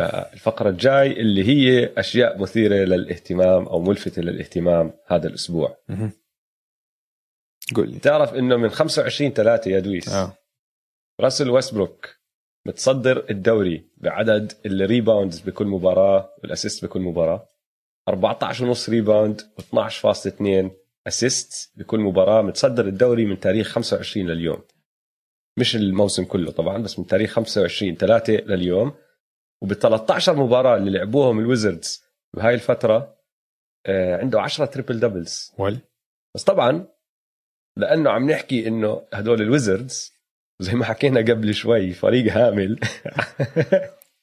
سجل ال Wizards بهال 13 مباراة سبع انتصارات وست خسارات. هذا لا، شيء اسمع، كثير لقيت لك إحصائية ثانية عن عن راسل ويستبروك. هاي من الأسبوع الماضي فيمكن هلا تغيرت بعد آخر مباريات هذا الأسبوع. إنه معدلاته خرافيه آخر 30 يوم زي ما أنت حكيت. بس وهو على الملعب فريقه الويزردز آه، خسران بمعدل 8 نقاط. وهو على البنش فريقه خسران بمعدل 3 نقاط. يعني فريقه أسوأ هو على الملعب. عم بيخسر بفارق أخطر وهو على الملعب. آه بس اسمع أنا ما أنا مش كثير أنت بتعرفني أنا ما بحكي بال plus minus. مش plus minus هاي. أنا ملك الإحصائيات بس ما بحب ال plus minus. ليش؟ لأنه بدك تاخذ بعين الاعتبار كتير عوامل. آه. فريقه عم بيخسر ماشي وهو على الملعب 100% بس أنت كمان بدك تحط ببالك إنه راسل ويستبروك عم بيلعب ضد الأساسيين بالفرق الثانية آه وهم يعني فريقهم. مين عم بيلعب معه آه آه حق. فهمت علي؟ آه. آه. يعني أنت عم تحكي عن لما ما يكون بالعادة عم بيلعبوا آه، ضد الاحتياطيين. ضد ال second stringers ضد هدول الناس. فأنا بحبش ال plus minus هدول الإحصائيات لأنها كتير كتير في عوامل ممكن تأثر عليها. آه. فهمت علي؟ واحد منهم زي ما قلت لك الفيديو هذا الموسيقى الحزينة موتني ضحك لأنه جد سلالم. أنا وياك بنحطها. أنا سلم بقدر أحطه بمباراة NBA عم بيجيني ال pass على طبق من ذهب من راسل ويستبروك آه. وعم بفكحوهم. ف فريقه هامل يا زلمة. بس هو حكينا فيه نحن قبل أكم حلقة هو ما بنقدر ما بنقدر يعني. ماشي موسمه بدأ سيء جدا بس شد حاله. شد حاله وهلأ عم بيلعب بمستوى كتير عالي. فريق؟ لا. ثاني إحصائية هاي راح تكيف عليها أنت لأنك كنت point guard بزماناتك يا دويس. point guard آه، من النوع الأصيل التقليدي. تقليدي من الدقة القديمة. 100% كريس بول بآخر أربع مباريات له عنده 40 assist turnover واحد. wow. wow. ال assist to turnover ratio 40 لواحد. شو هالرقم؟ للي ما بيعرف يا إخوان ال assist to turnover ratio نسبة بتقارن عدد ال assist لعدد ال turnovers وبالعادة بالعادة أنت بتحكي إنه ال assist to turnover لما يكون واحد عنده assist to turnover 4 لواحد أو 5 لواحد هذا ممتاز. من النخبة. ممتاز. من النخبة هذا. من النخبة. مم. كريس بول بآخر 40 بآخر أربع مباريات 40 لواحد. ال assist turnover ratio تبعه. مش طبيعي آه. اللي عم بيعمله. نيكولا يوكيتش نيكولا يوكيتش عنده هلا صار أطول سلسلة سلسلة مباريات بسجل فيها على القليلة 10 نقاط مع خمسة rebounds وخمسة assist في تاريخ ال NBA 38 مباراة ورا بعض. طلع عن راسل ويستبروك اللي كان كان حامل الرقم القياسي. 37 مباراة ويعني مع اللي صار مع جمال أظن راح تكمل يعني. 10 5 5 هاي. و pop quiz اليوم يا دويس. إينس كانتر. ضد ديترويت الأسبوع هذا. بداية الأسبوع أو آخر الأسبوع الماضي. سجل 24 نقطة ولم 30 rebound أوف. سنة ال 2000 في عندك أربع لعيبة هو رابع لاعب في عندك ثلاث لعيبة غيره يعني من سنة ال 2000 كان عندهم 30 rebound بالمباراة أو أكثر تقدر تحكي لي مين هم؟ أم... بعرف كيفن لوف. هي واحد. بس ما بقدر أفكر بحد تاني. بس بتذكر كيفن لوف عشان كيفن لوف. تبع التمبر سواها بتذكرها هاي. الاثنين الثانيين فازوا ألقاب مع الليكرز. أم... دو... دوايت هاورد واحد دوايت هاورد آه دوايت هاورد يعني أوكي. عليك أوكي. والأخير اندرو باينم أوبا. قديم. آه هاي مستحيل كان آه ما- فكر ولا- فيه أصلا. ولا. ناسي انه ناسي إنه كان في واحد اسمه أندرو باينم أصلا. عاد كان لازم أحكي لك الاثنين لعبوا مع الليكرز والاثنين لعبوا مع السكسرز كمان. كان حتى هاي ما ما بعرف عن. باينم هو بصراحة ما لعب مع السكسرز هو صار في صح؟ الصفقة تبعته تاجروه بس ما لعب معهم آه. ما عمره ما لبس بتذكر. لبس طقم طقم اللي- السكسرز ولعب معهم. آه ما بتذكر. المهم. طيب. رح ناخذ time out سريع. بعد ما نرجع من ال time out رح نرجع لفقرة واحد على واحد مع صديقنا جعفر سميث. يا إخوان بس للعلم هاي الفقرة سجلناها الأسبوع الماضي يعني صار لها 8 9 أيام. هذا الحكي انه يعني في حكي عن الكليبرز وفي حكي عن الناجتس كنا عم نحكي عن الناجتس قبل ما تصير إصابة جمال موري. فكرنا إنه نغير ونشيل الفقرة بس بعدين قلنا لا خليها النقاش حلو تستمتعوا فيه. بس حابب أخبر الكل إنه الفقرة صارت قبل الإصابة وصلها فترة مسجلة.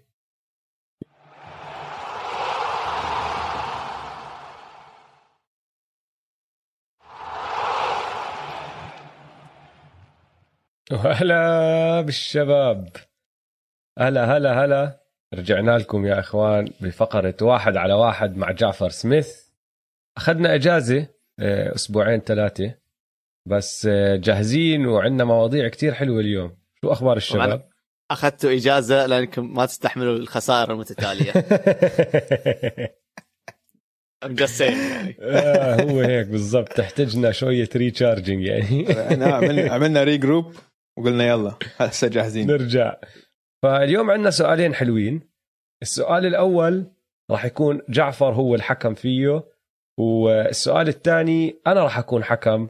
ودويس الدويس نازل آه، آه، بالنزالين اليوم. بدي حارب على الجهتين. بدي حارب على الجهتين. على الشرق على الواجهتين. على الواجهتين. صديقي وعلى صديقي. آه. فالسؤال الأول يا إخوان آه، دخلوا بالصفقات اللي صارت بال trade deadline هو السؤال كالتالي.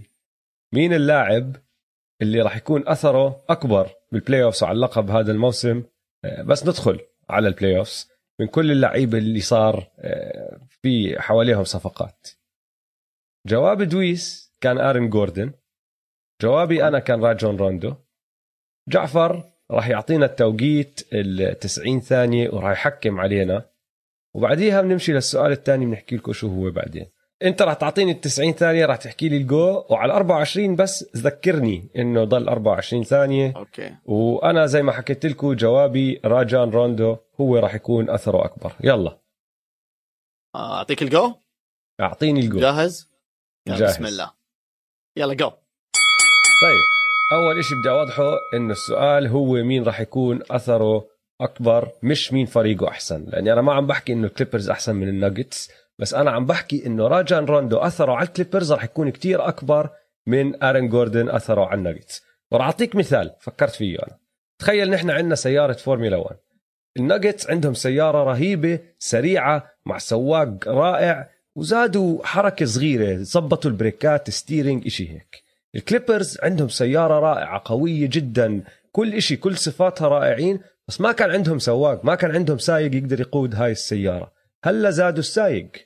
يعني السيارة الأولى راحت من سيارة ممكن تربح البطولة لسيارة أقرب شوي إنها تربح البطولة مية بالمية. السيارة الثانية راحت من سيارة ما حدا كان متوقع تربح البطولة لسيارة هلا راح تنافس كل السيارات إنها تربح البطولة وهذا الأثر أكبر. هاي السنة ضلينا نعيد عن الكليبرز إنه إيش ما يسووا؟ آه، لما كانوا يفوزوا مباريات متتالية ورا بعض لما كانوا يخسروا لما كانوا اللعيبة يحطوا أرقام رائعة يعني كواي موسم رائع بول جورج قبل ال All-Star break كان موسم رائع. ما أخذناهم بجدية لأنه ناقصهم إشي إشي ذهني. ناقصهم قوة القيادية ال IQ الشخصية القوية هاي. روندو هو هذا الشخص. روندو ما بحتاج يحط يسجل أرقام بس بحتاج يكون هو نفسه. فأنا بالنسبة لي الاثنين زبطوا وعدلوا وضعهم بس الأثر تبع روندو مع أقوى من time time time time time خلص. الثلاث خلص. الثلاث لا لا الثلاث كلمات. الثلاث كلمات. ما قلت لك time هذه ما هي محسوبة. هاي بتعرف آه، جعفر زي إيش؟ لما يكون في buzzer beater ويرن ال buzzer beater بعد ما الطابة طلعت بالضبط من أصابع اللاعب بس هي لسه آه. بالهواء الكل عم بتطلع عليها عم بتطلع عليها بعدين بتطج بعدين بتنطنط شوي هو هدول ثلاث كلمات فم هاي إذا تذكر في مرة آه، ديرك نوفسكي على نيويورك أتوقع ظلت الكرة على الحلق تدور تدور تدور بعد ما لين ما دخلت يعني. أنا ديرك نوفسكي أوكي. أوكي. تمام تمام. أوكي ال approach هنا كان فورمولا 1 الان خلينا نشوف الطرف الثاني كيف بيكون ال approach حقه. أوكي جاهز؟ جو أنا جاهز. أوكي. يلا بسم الله. جو أول شيء السؤال كان مين له أثر أكبر على اللقب؟ مين مش مين له أثر أكبر على الفريق؟ أثر أكبر على اللقب أنا بقول الكليبرز ما عم بينافسوا على اللقب لسبب رئيسي جدا إنه أنت عندك ثاني أحسن لاعب هو بول جورج بول جورج ما حد عنده ما حد فينا عنده أي ثقة فيه بال playoffs راجان راندو 100% أنت حكيته مزبوط بضيف قيادة وصلابة ذهنية. بس راجان راندو كمان بآخر مسيرته. راجان راندو أظن صار شوي overrated بعد ما اللي سواه بالليكرز السنة الماضية. عشان سهل كتير تلعب مع لبران ومع أنتوني ديفيس وتكون ثالث أحسن لاعب. راندو مش كفاية يكون ثاني أحسن لاعب على فريق بينافس. ثالث أحسن لاعب ممكن. ثاني أحسن لاعب؟ لا. وبول جورج ما عندي أي ثقه فيه. دنفر ناجتس زادوا قطعة ممتازة وبالضبط اللي بيحتاجوها. ودليل على النتائج اللي شفناها من وقت الصفقة. ما عم بيخسروا. دفاعهم صار أحسن كتير. هجومهم صار سلس أحسن كتير. أصلا هم فازوا الكليبرز السنة الماضية. فأنت هلأ قويت الفريق وصار مستوى أحسن من السنة الماضية. عندك أول شيء إنه دنفر هلأ كل لعبتهم بنفس العمر. كل لعبتهم هلأ عم بوصلوا ال peak تبعهم. واللي سووه السنة الماضية ما بيقدروا ينسوه. حتى لو كانوا متأخرين بال playoffs 3 1 أو 3 0 عندهم القناعة إنه ممكن ينتصروا. ف كقطعه ممكن تأثر على اللقب دنفر ناجتس هلا أنا لو سألت أي واحد فيكم لو بيواجهوا الكليبرز كلياتنا رح نفضل دنفر ناجتس على الكليبرز. فبسبب هذا تايم تايم تايم تايم تايم تايم ضع القلم ضع في الاختبار ضع القلم؟ هذه هي. لا قلم ماشي ماشي. time time okay أول حاجة لاحظها في النقاش من الطرفين ها؟ إن في تركيز على بسقط من نقطة الخصم قبل ما أتكلم عن نقطتي. كل واحد فيكم ظل تقريبا فوق كيف- 30 كيف- ثانية. كيف أنا أنا بديت قبله يعني ولا كنت سامع لا،. نقطته أصلا. لا لا لا مو كذا. انت يعني أنت بديت مثلا انه شوف آه، أنا بتكلم يعني هم هم عندهم سيارة وعندهم لاعبين و و قاعد أتكلم عن دنفر قبل حتى ما قاعد أتكلم عن فريقي نفس الشيء عند اوجي عند دويس إنه قال لا okay هم فريق زين وهم كذا وكذا وكذا. قاعد يهيئ إن أنا أرفعكم لكن ما أنزلكم الحين كذا يعني.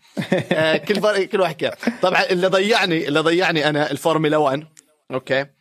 في النقاش اللي صار ضيعتني يا اوجي أنا أنا أتفق معاك في الكلام يا اوجي لكن نقاط النقاش نقاط النقاش انتصر فيها دويس. حقيقة. و- لا يا زلمة. okay شوف مع إني لا والله أنا أنا بختار أنا بختار آه، لا- اللاعب بختار روندو لأن شفت إيش بيسوي.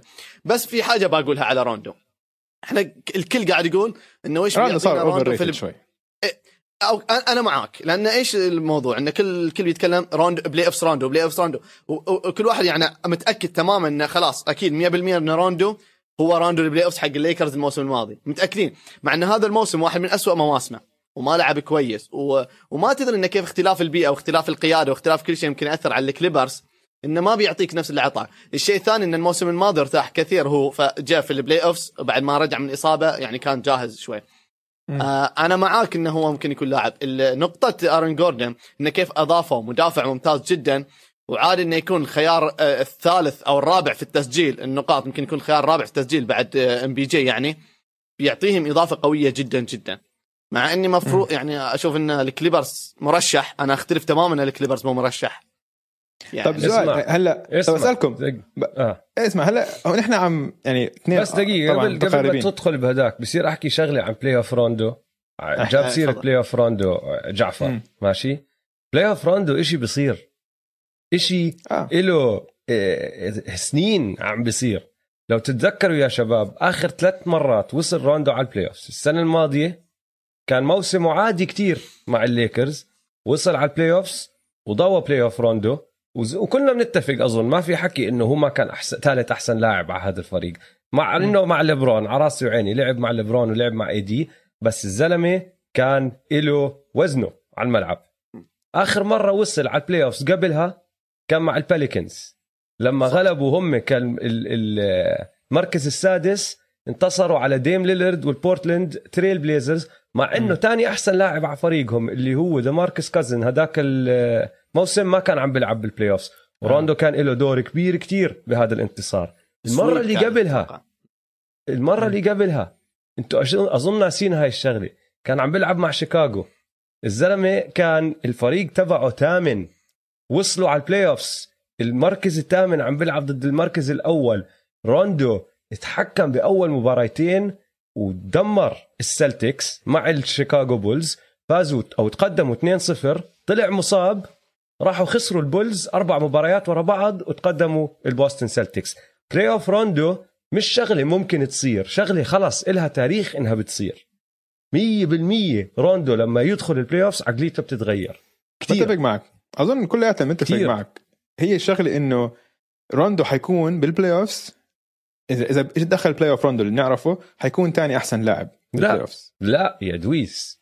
يعني. بعرف إنك تكره بول ما جورج. بكرهه. لا لا ما بكرهه. تكرهه. ما, أنت بتكرهه بتطيقهوش. ما بكرهه. بس روندو لا. على سبيل المثال أنت بتحب تحكي قصة بول جورج كيف أخذ القهوة هاي تبعته وشرب كتير قهوة وبطل يقدر يلعب.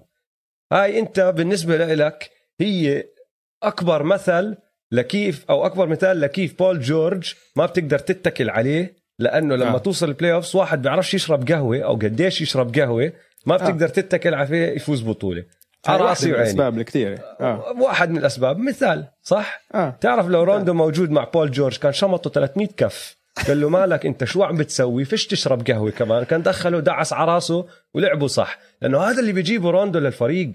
أنا معكو إنه آه، آرون جوردن إنه قطعة كتير ناجحة وكتير حلوة وأخذت ال- الناجتس من فريق أصلا أنا معتبره من المرشحين لفريق مرشح أقوى.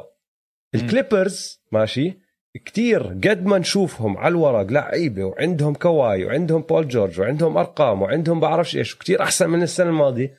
ما حدا ماخذهم بجدية لأنه ناقصهم هالصلابة الذهنية وهالقائد على الملعب وهال play maker بروندو جابوا الثلاثه الثلاثه السنين هديك لما قعدنا نحكي انه روندو وصل ال playoff playoff روندو يا أخي بال 2018 لما غلبوا ال- التريل بليزرز معدله كان 13 assist بهديك السلسلة.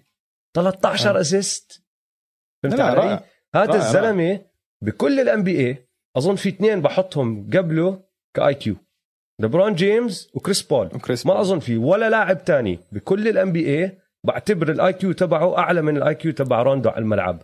هذا كل معك. الإشي اللي كان ناقص الكليبرز فأنت لما تيجي تحكي لي مين رح يكون أثره أكبر على فريق أنا بحكي لك برأيي أخذ هذا الفريق اللي هو الكليبرز من فريق ما عندي ثقة فيه لفريق من وراه رح يصير عندي ثقة فيه فهمت. علي أوكي. فريق أوكي. أنا بعرف رح يحمل مسؤولية وراح يساعدهم كتير إحنا عشان صح. ننهي هذا النقاش ونروح للسؤال الثاني أبغى بسالكم سؤال وأبغى على طول جو- جواب واحد بدون تفسير بدون تبرير.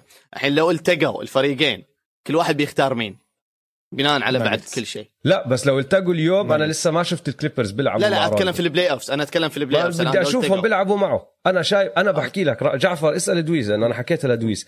أنا إيه. من قبل أصلا الصفقة حكيت لدويس إنه من اللي كنت شايفه قبل ال all star break مع الناجتس أنا قلت له أنا شايفهم راح يخلصوا top 3 كانوا هم السادس أظن ايامها وهلا يعني مع سلسلة انتصارات قوية كتير وعم بيلعبوا آه، لعب حلو كتير يخلصوا بالضبط طب اسمع طب لو الليكرز طب افترض إنه اجى playoff روندو وعم بيلعب منيح لو التقوا بال playoffs مين بتفضل؟ لو اجى playoff روندو ورفع مستواه آه. لهالدرجة لو آه. أنا شفته هذا الحكي بعيوني أنا آه. راح أحكي لك باخذ الكليبرز أوكي لو لو لو روندو اللي لعب مع الليكرز السنة ليكرز. الماضية أو بال playoffs هدول playoff آه. آه. روندو الأصلي شد حاله ومسك وأخذ الفريق وكل حدا متعافي وما في عندك مشاكل آه، إصابات. أو إشي هذا الزلمة راح يفرق كتير مع هذا الفريق. وقتها راح تشوف الكليب- الكليبرز اللي من الصيف 2019 بدينا نحكي فيهم. أوكي. إن شاء الله ما نشوفه يعني وإن شاء الله من الدور الأول الكليبرز آه، يطلعوا. و... اسمع ترى للعلم صح ممكن يصير إذا playoff روندو ما شرف. إذا إجاك روندو عادي أو حتى 80% من playoff روندو انسى وضعك راحت. راحت. تماما. ما عندهم ولا الله فرصة. يخت- بإذن الله بإذن الله يخت- بإذن الله. إيه، بإذن الله. يلا على السؤال الثاني إن شاء الله. يلا. السؤال الثاني. آه، السؤال الثاني كان مين أفضل مدرب هذا الموسم لليوم. فما عم نحكي أفضل مدرب تاريخيا ما عم نحكي آه، أفضل آه، مدرب قبل سنة سنتين بشكل عام. عم نحكي باللي صار هذا الموسم اليوم. اليوم. من أول الموسم لليوم مين أفضل مدرب؟ جوابك دويس مين كان؟ تايلر جينكنز مدرب الممفيس جريزليز. وجوابك يا جعفر؟ مونتي ويليامز مدرب فينيكس سانز. أعطيك الجو. معك 90 ثانية على 24 راح أحكي 24 ثانية. تمام؟ أوكي. يلا واحد اثنين جو. أوكي بسم الله. آه، فينيكس سانز والمدرب مونتي ويليامز هالموسم قاعدين يقدموا أمو- يعني أشياء خرافية جدا. وأنا مو الشخص اللي دائما أتكلم بالأرقام أو أحب إني أجيب الأرقام لكن إذا بنطلع على الأرقام لأن أنا عارف إن دويس يحب الأرقام بشكل كبير جدا وحتى OG. فمثلا في ال FG ال percentage هم الثاني على الدوري التاسع في الثلاثيات الثاني في الأسس السادس بس في ال turnover الثامن في عدد النقاط المسجلة. في الدفاع آه، التاسع ال- في كأفضل دفاع على على النقاط المس... على ال FG كنسبة تسجيل الثاني في الدفاع على الثلاثيات. ال- الأول في كالخصم إن أقل عدد assist يعمل آه، عليهم الخامس في أقل النقاط اللي تسجل عليهم في لما بتروح إلى الأشياء المعقدة أكثر ال simple rating system مثلا هم الثالث ال offensive rating السابع ال defensive rating الخامس الثاني في ال net rating في ال true shooting هم الثالث في ال efficiency field goal هم الرابع. كلها أرقام خرافية أرقام مميزة جدا جدا. تبين لك كيف عمل المدرب. هذول اللاعبين اللي عند هذا المدرب ما حد كان يتكلم عنهم. أوكي كانوا بيتأهلوا playoffs الناس حطتهم borderline playoffs ممكن يكونوا. قبل بداية الموسم. الآن هم على بعد مباراة ونص بس من أفضل سجل وأفضل record إلى ال NBA كامل. يعني يبين لك المستوى المميز. وإحنا تكلمنا إضافة كريس بول وكذا لكن اللي الشيء اللي يعمل المدرب الأرقام هذه تبين لك إنه ما في أعمال فردية في عمل جماعي في لعب دفاعي ممتاز في لعب هجومي ممتاز كل هذه أعمال خمسة. مدرب. في أشياء تشوفها من بعد ال- ال time out وبعد هذه الأشياء كلها صناعة انتهى الوقت. مميز. انتهى الوقت. آه رحت في الإحصائيات هالمرة. easy جيتك في ملعبك جيتك في ملعبك هالمره جيتك في ملعبك. أنت أظن غلطت إنك جيت على ملعبي عشان أنا. هسه حقطعك حقطعك بملعبي أهلا وسهلا. جاهز دويس؟ أنا جاهز. واحد اثنين ثلاثة جو معظم الناس حيحكوا إنه يا أحسن مدرب هو ال Suns أو ال Utah Jazz عشان سجلهم الأول على الدوري. ولكن طلعوا على عم... اللي عم بيسويه تايلر جينكنز بممفيس إشي خرافي. هم حاليا الثامن بال West ولو حطيتهم بال East بيكونوا الرابع. يعني بيكون عندهم home court advantage عندهم دفاع ممتاز وبيلعبوا. بشراسة على الدفاع. هم الأول بال steals والسادس بالتقييم الدفاعي. على الهجوم كمان لعبهم كتير حلو ولعب جماعي وبيلعبوا سريع دائما عشان الفريق كلهم صغار لعيبة صغار. هم السادس بال pace السابع بال assist percentage والرابع بال assist و turnover هاي بتدل لك إنه بديروا بالهم على الطابة وبيلعبوا بلعب ذكي جدا. وعندهم balance scoring كتير. عندك سبع لعيبة ال average تبعهم فوق العشر نقاط. كل هذا بدون ولا all star zero all stars وعم بيلعبوا بهاي المستوى العالي. وعم بينافسوا بالغرب. الفريق تبع ال Suns ضافوا كريس بول هذا الموسم. هذا أكبر فرق. هذا الأكبر فرق بين السنة الماضية وهذا الموسم. الجاز عندهم كثير عندهم ثلاثة all stars هذا الموسم. هذا zero all stars كل هذا بدون أفضل لاعب مسجل عندهم. جاريد جاكسون جونيور ولا لعب ولا مباراة. فعلى الورق لو بتحضر لو لو بعطيك الأسماء لل Memphis Grizzlies قبل الموسم تقول لي هذا الفريق ممكن يخلص 14 أو 13 بال West. بس شوف اللي عم بيسويه عم بينافسوا على ال West و100% الشغل اللي عم بيسويه مدرب Grizzlies كتير رفع مستوى الفريق هذا وهو بيستاهل يكون coach of the year 100% والله ضايل أربع ثواني لسه. ما في داعي خلاص هاي. ما- هاي مايك انتهى drop. الوقت هاي mic drop. 100% أوجي. آه، أوجي. أتوقع واضحة. أتوقع واضحة يعني. ما أظن. ما أظن. أظن أنا قطعتك فيها هاي الصراحة. يعني جايب لي. مدرب المركز التاسع وتبغاه أفضل مدرب. لا، شيء اسمع تعمل. اسمع اسمع. أول ش... أول شيء إحصائيات اسمع اسمع. اسمع. تعرف أول- شغله أول شيء تعرف تعمل. شغله استنى شوي. أول شيء لازم أحكيه. آه. يعني راح أعطي الفوز لواحد فيكم بس هذا اللي راح أعطيه الفوز. كمان في نقطة كتير مهمة ما جاب سيرتها. فبدل ما يكون اكتساح ما راح يكون اكتساح راح يكون يعني يلا انت ربحت. جعفر لا تضحك عم بعطيها لدويس. مع السلامة. أحكي لك ليش. أحكي لك ليش. هو جاب جاب. سيرة. نقطة قوية جدا. بس كمان ضيع على حاله نقطة كان أنهت النقاش من قبل. يعني أنا اضطريت أفكر فيها. النقطة القوية اللي هي زيادة كريس بول. فكل الأرقام اللي أنت حكيتها الله حلوة ورائعة. وبصراحة أنا اسأل دويس قبل الموسم قلت له توقعي لافضل جائزة أفضل مدرب مونتي ويليامز. وممكن يربحها. تايلر جينكنز ما راح آه. يقرب على جائزة أفضل مدرب. بس بعرفش ليش. يشم غلط. صراحة. ليش؟ ما راح يشم. ريحتها.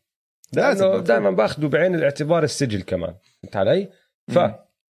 ك كجائزة مين ممكن يربح جائزة؟ مونتي ويليامز 100% أقرب واللي عم بحكيه مو تقليل من فريقه.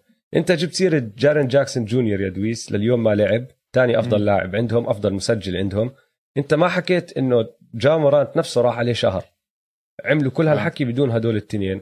وضلهم مصمدين بال West والحلو بالموضوع عندهم غير إنه ما عندهم ولا all star ال Memphis Grizzlies ال- الأسامي اللي عندهم كلهم عم بيلعبوا بمستوى أعلى من المفروض يلعبوا فيه. يعني لما يجيك واحد زي جريسن الن يصير عندك مشجعين جريسن الن ناس كلهم. بتدافع عن جريسن الن آه. انسى. وال West ملحمة. ملحمة ملحمة ملحمة ال West. ملحمة. إنه هدول عم بيعملوا هيك السنة الماضية تفاجأنا وانه رجعوا عملوها هاي السنة وعم بينافسوا على نفس المواقع أو نفس المراكز بدون جارن جاكسون جونيور طول الموسم. كان مفروض هو بس لشهر واحد ما يلعب. وبدون جا لشهر. مم. شهر كامل ما لعب. يعني لازم تحكي إنه شغل تايلر جينكنز جبار جدا. مونتي آه. ويليامز زي ما أنت حكيت ماشي فريق كان جاهز. عم بورجينا إنه عنده هذا ال potential من أيام ال bubble. ومرة واحدة رحت زدت عليه كريس بول اللي هو كمان مدرب. هو مدرب على الملعب. فهمت علي؟ مم. فبس عشان هاي الفرق, الفرق الصغير هاد لازم أحكي إنه تايلر جينكنز لا أنتم ما تتحملوا إن الواحد يكون undefeated أول شغلة. ثاني حاجة أنا أتوقع أنا أتوقع لأني خسرتك الجولة الأولى من شوي. ما دخل. آه. لا لا ما دخل. أنا أنا ما عندي من هال... أنا ما بحقد يا جعفر. أنا آه. بنسى وبسامح وبنكمل وبنمشي بالمواضيع.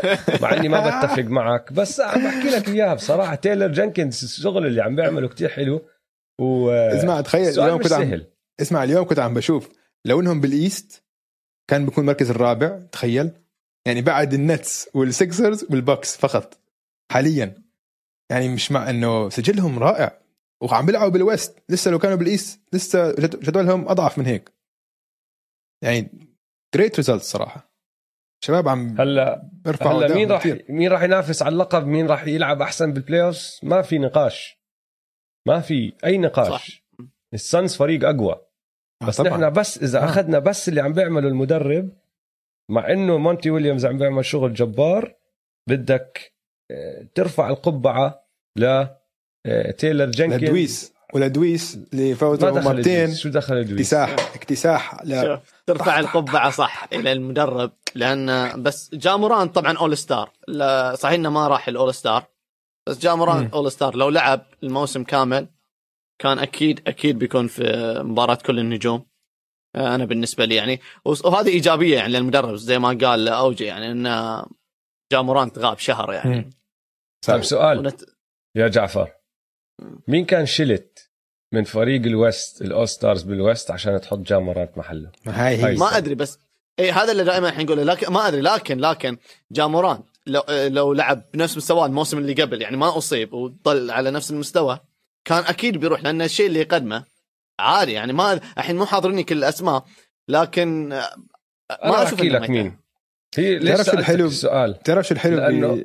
آه كمل. ج- جواب السؤال راح يكون واحد من جماعة ال Phoenix Suns آخر واحد دخلوه ديفن بوكر. ديفن بوكر؟ آه. فهمت علي؟ هلا بوكر مظلوم جا حقيقة. طيب مشان هيك عم بسألك كان شلت ديفن بوكر وحطيت جا محله؟ آه، لا، هالموسم لأنه لا، اسمع أنا- اللاعب الوحيد اللاعب الوحيد اللي ممكن أصلا تفكر فيه لأنه عم تحكي عن مراكز كمان. تشيله هو ديفن بوكر أو أنا كريس بول فاهم. أنا لا لا أنا فاهم عليك بس أنا أتكلم لو كان مستواه أفضل يعني لأن إحنا ما ما وصل لمستوى ديفن بوكر السنة لأنه أصيب يعني هذا هذا قصدي لو كان. مستواه لو ما غاب لا بس حتى كان... لو تطلع على معدلاته معدلاته ما بتقرب على معدلات ديفن بوكر لا لا ديفن؟ بوكر. ك scorer شيء شيء غير آه. يعني صراحة. اسمع بتعرف شغله أنت عم تحضروا إذا عم تحضروا مباريات ممفس اللي عم يسويه جا كتير مميز عشان انسى لو بتطلع على ال box score بتقول إنه هذه مباراة عادية بس عم بدير المباراة بشكل رائع. يعني الزلمة مسيطر على المباراة نهائيا من أول game لآخرتها وعم بمشي لعب. ما بتفرق معه بالمرة الإحصائيات.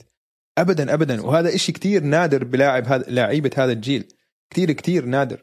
إنه عم بقود فريقه لل- للفوز وما بيهتم ابدا لإحصائياته. هذيك اليوم يعني حتى عدد لو طلع على عدد التسديدات ما بسدد كتير.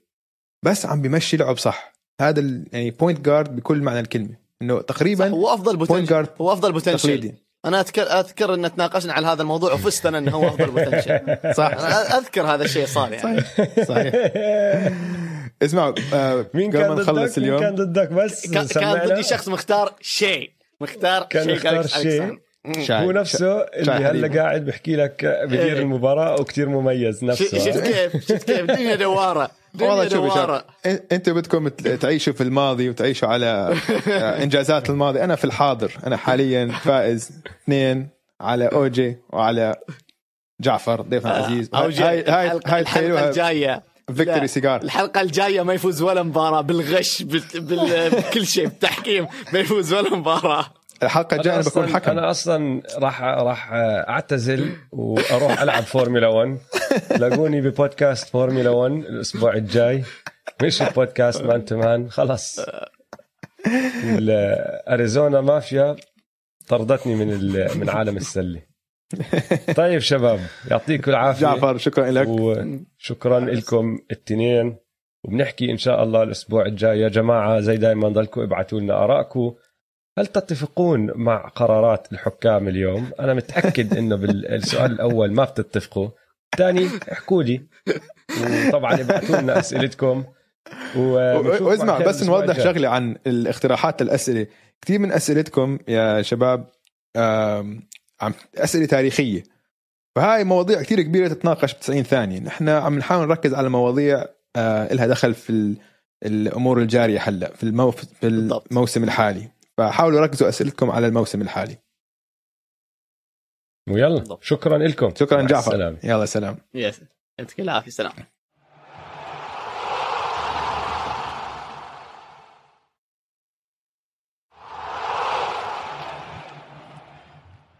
رجعنا للحاضر. هلأ كنا بال... بالماضي. كنا قبل بالماضي شوي. آه آه. قبل بال- بعالم ما قبل إصابات جمال موراي عالم قبل وقبل. هذا لاحظت انه قبل كمان ما ال Clippers فازوا سبعة ورا بعض بعدين خسروا آه. مع روندو ف بعدين خسروا ضد ال Sixers اليوم. فيعني فاللي انت هلا اللي رجعنا- تحكي إنه مفروض أنا أفوز بهذا النقاش. واللي فهذا البودكاست- جعفر غلط. لا لا ما لأنه لا أنا لا شفت لا المستقبل. لا 100% ممكن. بس شوف ال ال النقطة الأهم إنه نحن بودكاست بتنقل عبر الزمن. ما أظن في بودكاست تاني بيسويها هي. صح ولا لا؟ ما أظن صح. يعني آه. عشان نعرف. أول بود نسينا نحطها بال- بالمقدمة. أول بودكاست هو ينتقل. بتنقل بالزمن. بغطي الان بي وينتقل عبر الزمن. طيب. stock أخبار market البورصة يا دويس سهم البورصة. طالع سهم نازل. شو عندك؟ أخبار البورصة. الاخوان بس قبل ما نخش على أخبار البورصة. إذا حد فيكم فهمان Dogecoin بالله يحكي معي يقول لي سهم طالع. Dogecoin سهم. مش طبيعي قديش طالع. 5000 بالمية طالع. حد يفهمني شو هو؟ عشان FOMO. بس هذا أحكي. صايبك FOMO. صار- أكيد كل حدا بالدنيا عنده FOMO. المهم سهم لا في طالع. ناس عندهم POMO شو ال POMO أو JOMO. شو الجو؟ pleasure of missing out أو joy of missing out هدول الناس اللي لما يصير أشياء هم مبسوطين كتير ما يكونوا جزء من هدول الأشياء يكونوا لحالهم قاعدين بالبيت. أنت واحد هدول منهم؟ يكون عندهم FOMO. لا أنا طبعا لا. أنا عندي FOMO خرافي. آه okay. بس أكيد ما. حلوة. حلوة لو حطيت حطيت 100 دولار ب Dogecoin وهلا صاروا 5000% بعرفش حتى كيف أحسبها. قديش لو 100 زائد 5000% ابصر المهم إذا حد بيفهم يفهمنا. Dogecoin آه. سهم طالع. Dogecoin سهم طالع. آه سهم طالع ال New York Knicks خصوصا RJ Barrett يا زلمة RJ Barrett عم بيلعب لعب كتير ممتاز. وهلأ إحصائياته بالموسم الثاني كتير شبيهة من إحصائيات جيسون تيتم وجيلن براون بموسمهم الثاني. هذا لما دخل على ال NBA كلياتنا بس موسم أول- جيسون تيتم الثاني كان زباله موسم موسمه الثاني لما أخذ الدب لما ما فكر حاله. كوبي لما لما. عمل مش زباله بس إنه يعني توقعنا أحسن من هيك. تذكر اللي اللي سواه كوبي؟ طبعا. sabotage mode. راح يتدرب مع كوبي لأنه بيلعب مع ال Celtics. كوبي قال له العب آه. هيك وسوي هيك وسوي هيك. صار يشوت ال mid-range و fadeaways و turnarounds بيكون عليه ثلاثة آه، الفعالية. تبعته نزلت. الكل زعل على جيسون تيتم. بعدين الموسم الثالث رجع زبط. ف... صح. لا شوف ما عم بقارنه بجيسون تيتم جيسون تيتم سقفه كتير أعلى. بس آه، الفكرة إنه آخر شهر عم بيلعب عم بيسجل بفعاليه عالية وعم بيدافع ممتاز. كل فريق النكس عم بيدافع ممتاز. وصار هو كلتش. في آخر مباريات عم بيسلموه الطابة عم بياخذ قرارات الصح فآر جي باريت سهم طالع. النكس حاليا اوجي على الموسم كله ثالث أفضل تقييم دفاعي خلف السكسرز والليكرز فقط. آر جي بارت بموسمه الثاني حاليا صح؟ آه. يعني ضايل له كمان سنتين بخلص عقده ال rookie. يا بكون مدد لخمسة يا بكون آه، إجا restricted offer ما أظن يتخلوا عنه النكس. يعني بده سبع سنين ليو ليوصل آه، السوق الحرة ويدخل على الرابترز عشان الكندي بده يرجع على كندا. أنا عم بفكر بالمستقبل. آه. انت اسمع لو بدك لعيبة كندية تروح على كلهم جايين شيك جاي طلع طلع اللاين اب الكندي اللي راح يصير عندنا شيء يكون جمال عندك ماري جمال ماري ال point guard. بعدين عندك شاي. شاي عم بيلعب shooting guard بعدين عندك أو بالعكس. أو بالعكس مش مشكلة ال- آه. ال lineups هدول عاديين بعدين عندك آه، ال- لو دورت المدافع الصلب تبعنا. نجيبه هذا سهم. طالع ضيفه على لو السهم دورت طالع. هذا كان عنده career. هاي هذاك اليوم حط 42 نقطة وهاي مش شغلته كمان. آه. فلو دورت رح نجيبه عشان يوقف ال- الخصم مش أكثر من. هيك. بعدين راح يكون عندنا آر جي باريت عم بيلعب ال four spot. ومين عندنا الخامس؟ بدكم center. يعني نقدر نحط كالي أولينيك. آه بس منيح كمان غايب عن بالي. مين مين غايب عن بالي؟ في إلا ما يكون في big man كندي أنا مش عم بفكر فيه. والله من هذا modern big man اولينيك بسلخ ثريات five ويجنز بدناش اياه خلوه بجولدن ستيت ما يقرب على الرابترز إذا سمحت. تعرف مين لاعب كان بزبط؟ لو إنه كندي بس هو مش كندي يلعب ال five عشان إنه كمان هذا سهم طالع كتير. مين؟ كان لاعب معاكم. كان لاعب رابترز السابق جوناس فالنتشونس آه. هذا وحش. center تقليدي. بس جد وحش. تحسه وحش هيك اللحيه مستوحشه نظرته مستوحشة قوي بس كمان عنده touch منيح وبيتحرك منيح. يعني حتى لما يصير معاه switch على على القوس مش بطال يعني مش بطال انه عم بيحاول يغطي يعني. بس آخر 12 مباراة اوجي معدل 20 نقطة و14 ريباوند آه بلم ريباوند زي الهوفر. والب... بلم. rebound زي الهوفر.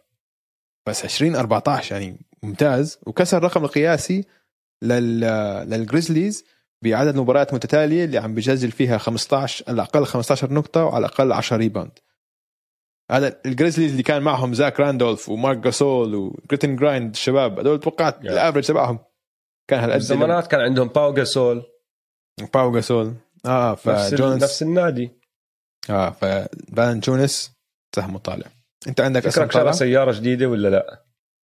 جونس؟ آه. أنت بتعرف؟ قصة السيارة؟ لا. جونس جونس قبل سنتين ثلاثة آه، رجع على ليثوانيا ورايح يتدرب مع المنتخب تبعه. هلا هذا زلمة كان موقع عقد 15 مليون بالسنة وهيك أيامها. رايح يتدرب مع المنتخب الليثواني وواصل لمركز التدريب مركز التمرين بسياره مأنتكة ماكلة هوا قديمة يلا هو واسع فيها أصلا. يعني بتشتريهاش ب 100 دولار. هذا الزلمة بقول لك 15 مليون راتبه ما عم بحكي له يروح يشتري رولز رويس أو شيء بس السيارة لو تشوفها يعني فضيعه ما بدك تمشي فيها بالشارع لك بتخاف بنص الشارع إنه باب يوقع. فهمت علي؟ فطبعا صوروه زملائه هناك وتخوتوا عليه. قال لهم يا إخوان أنا هاي سيارتي القديمة كنت أسوقها وأنا صغير. بحبها. حق. افصل إذا هلا شاري سيارة جديدة ولا لا. رهيب رهيب. أنا عندي سهمين طالعين. كمان. big man عندي big man من فريق نحن دائما بنحكي عن كريس بول ودائما بنحكي عن ديفن بوكر. ما حدا بيحكي عن دي أندري إيتن. دي أندري إيتن عم بيلعب كتير حلو هذا الموسم. مرة أظن جبنا سيرته. قلنا okay ال- المعدل التسجيل تبعه نازل بس عم بيلعب فعالية أكثر عم بيتحرك أكثر الدفاع عم بتحسن شوي. عم بيساعد الفريق. بس بآخر سبع مباريات لإله يا دويس معدله 20 نقطة و11 rebound وعم عم بسدد بنسبة 73% مع 1.3 steals و1.4 blocks دي اندري إيتن يا سيدي العزيز هو سقف السانز إذا دي اندري إيتن بدع بال playoffs هذا فريق راح يمسح أي حدا أو مش يمسح بس راح راح يقدر يغلب أي حدا. إذا دي اندري إيتن تراجع بال playoffs السانز ما راح يقدروا يغلبوا الفرق القوية. هو سقف هذا النادي لأنه آه، كريس بول راح. يعمل اللي عليه. وديفن بوكر حيعمل يعمل اللي عليه. عليه. دي اندري إيتن هو القطعة الثالثة وأنا كتير متحمس أشوف شو بيعمل بال playoffs هاي السنة. والسهم الثاني الطالع اللي عندي هذا الأسبوع بوغدان بوغدانوفيتش. أوبا. لاعب حق. مش تبع ال Utah Jazz مش أخوه بويان عم نحكي عن بوغدان. لاعب. ال Atlanta Hawks اللي صار عليه قصة لاعب السنة ال Kings الماضية. السابق. لاعب ال Kings السابق اللي حاولوا يجيبوه ال Bucks وصارت القصة كلها. هلأ عم نشوف ليش صارت هالقصة؟ لأنه هو هذا الموسم طلع وانصاب كتير. بعد ما رجع من الإصابات ما كان عم بيلعب بمستوى عالي. بس بشهر أربعة يا دوبس معدله 22 نقطة 5 rebound 4.5 assist عم بسدد بنسبة 53% من برا القوس. مشان هيك هو جزء كبير من سلسلة الانتصارات أو من الانتصارات اللي عم بح- بحققوها ال Hawks وليش هم هلا بالمركز الرابع. فهذا سهمي الثاني بوغدان بوغدانوفيتش. حق. عندك سهم نازل؟ عندي آه. لوك مين؟ وولتن آه Kings مدرب. ال Kings. تسعة ورا بعض. تسعة ورا بعض. خلاص لازم ينطرد. لازم. يعني الف... الفريق مش لهالدرجة سيء. فريق مش لهالدرجة سيء. مش معقول. وعندك فوكس عم بلعب أحسن لعب بحياته لعبه. فعاليته خرافية. عم معدل تقريبا 30 نقطة آخر شهر. يعني مبدع. وعندك ت... يعني تعرف شو سوى؟ تاريس هالبرتون مش فازوا خمسة ورا بعض وكان تاريس هالبرتون بال starting lineup طلعوا من ال starting lineup خسروا ثلاثة ورا بعض رجع رجعوا. هلا رجعوا لساتهم مش عارف شو يعمل مش عارف شو. يعني هلا okay هم مفتقدين رشان هولمز. بس يعني تسعة ورا بعض. عيب عيب عيب. ف سهم نازل. لوك والتون آه أنا عندي سهم نازل كمان. ستيفن آدمز أو مش هو نفسه ستيفن آدمز بس التسديد تبعه من من ال free throw line سهم نازل. تعرف إنه عم بسدد بنسبة 43 هذا الموسم من ال free throw line. آخر عشر مباريات له يا دوبس عم بسدد بنسبة 27% يعني عيب عليك عيب عليك. شاك ما سواها بعزه. كم كم من وحدة مسدد ما بعرف. بس أنا حبيت النسبة. ما عديت لك اكمل واحد. طلعت على المجموع. 27% هذا هو الرقم المهم. بس إذا بدك بحكي لك هلا قديش مسدد. استنى علي دقيقة إيه. آه. معدل التسديد تبعه من خط الرميات الحرة ثلاثة آه، بكل مباراة. آخر عشر مباريات عم بحكي. أوف. مسدد المجموع اللي مسدده 30 رمية حرة بهدول العشر مباريات. حط منهم والله hard 27 luck. طيب وحش الأسبوع. أها. خلينا ناخذ وقتنا. اليوم. على وحش آه، الأسبوع. لازم ناخذ وقتنا الصراحه أحكي لك معدلاته. الأسبوع. آخر ثمان مباريات بس. 39 نقطة. 6.6 rebounds 4.6 assist الفعالية 55% من الملعب 49% من الثلاثيات و91% من ال free throw line طبعا عم نحكي عن الشيف ستيف كاري. وردل يا زلمة. شو هاد؟ كاري. إيش هاد؟ إيش هاد؟ هلا على الموسم هو هلا عم نقرب على الأداء وهلا عم بيقرب على موسم ال MVP تبعه. يعني أي واحد هلا فيهم، معدله بالموسم الثاني؟ آه. الثاني اللي سفح فيه ال 2016 إنه بالإجماع كل حدا صوت له ال MVP 30 نقطة 30.6 نقطة. true shooting percentage 66% يعني إيش؟ جارد جارد جارد. نص تسديداته من برا القوس. يا زلمة. wow. في فترة هذا الأسبوع هبرج مزبوط. جاب 29 ثلاثية بثلاث مباريات. مرتين جاب فوق العشر ثلاثيات. اسمع. بهالأسبوع. مش مسيرته. بهالأسبوع. آه. عجائب أرقام مذهله كتير من هالاكمل مباراة. فأنت مم. عم تحكي في باسبوع حط 29 آه، ثلاثية بثلاث مباريات. مم. صح؟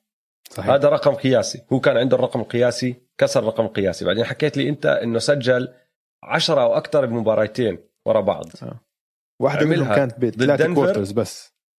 ضد دنفر حط 10 ضد OKC حط 11 أول 11 لاعب. بتاريخ ال NBA بسجل 10 ثلاثيات أو أكثر بمباراتين ورا بعض.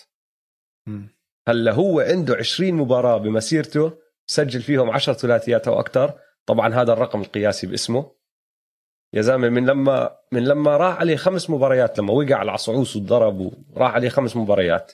أحكي. لك مجموع النقاط اللي مسجلها. 32 نقطة. 36 نقطة. 37 نقطة 41 نقطة 32 نقطة 38 نقطة 53 نقطة 42 و33 سجل 344 نقطة بتسع مباريات. هذا أعلى رقم لأي لاعب عمره 33 سنة أو أعلى بتاريخ الدوري. بشهر أربعة 39 6 ونص و4 ونص أسيست أنت هدول حكيتهم الأرقام أنا بدي أزيد لك عليهم. 13 ثلاثية عم باخد. آه. 13 ثلاثية. عم بحط منهم 48% آه. مش مش طبيعي. مم. ضد الناجتس. 53 نقطة. أول لاعب بتاريخ الدوري عنده ثلاث مباريات أو أكثر بحط فيهم 50 أو أكثر بعد ما يصير عمره 32 سنة. ما حدا تاني سواها غير ستيف كاري وهلا معدله 30 نقطة فاصلة سبعة.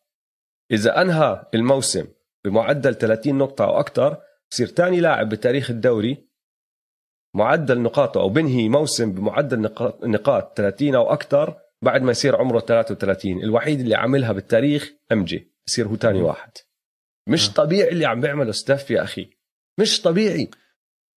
تعرف اللي عم بيصير أكثر شيء هذا الموسم؟ هذا الموسم لستيف شو رح يعني؟ هذا الموسم راح يجبر أو راح يفرض باقي لعيبه ال NBA يحترموا ستيف عشان في كتير لعيبة وهاي إشي كتير غريب لو واحد بيحضر مباريات كثير لعيبة لو بتسألهم عن ستيف بيقول لك إنه إنه overrated أو ال system اللي هو كان فيه كان كثير كارهين آه. كارهين آه هيترز 100% بيغاروا منه عشان هو بيبي... إنه بيبين اللعبة كتير سهلة فكتير منهم ما بيحبوا يعني في. يعني لو بتع... لو بتعطي هلا تصويت لكل لعيبه ال NBA متأكد أنا لعيبة ال NBA بحطوا مثلا آه ويستبروك أفضل من ستيف كاري وكلياتهم كانوا يحكوا آه أنت الفريق والفريق كان super team لا يعني كل حد نسي إنه قبل كيفن دورانت ليش كان super team عشانه هو.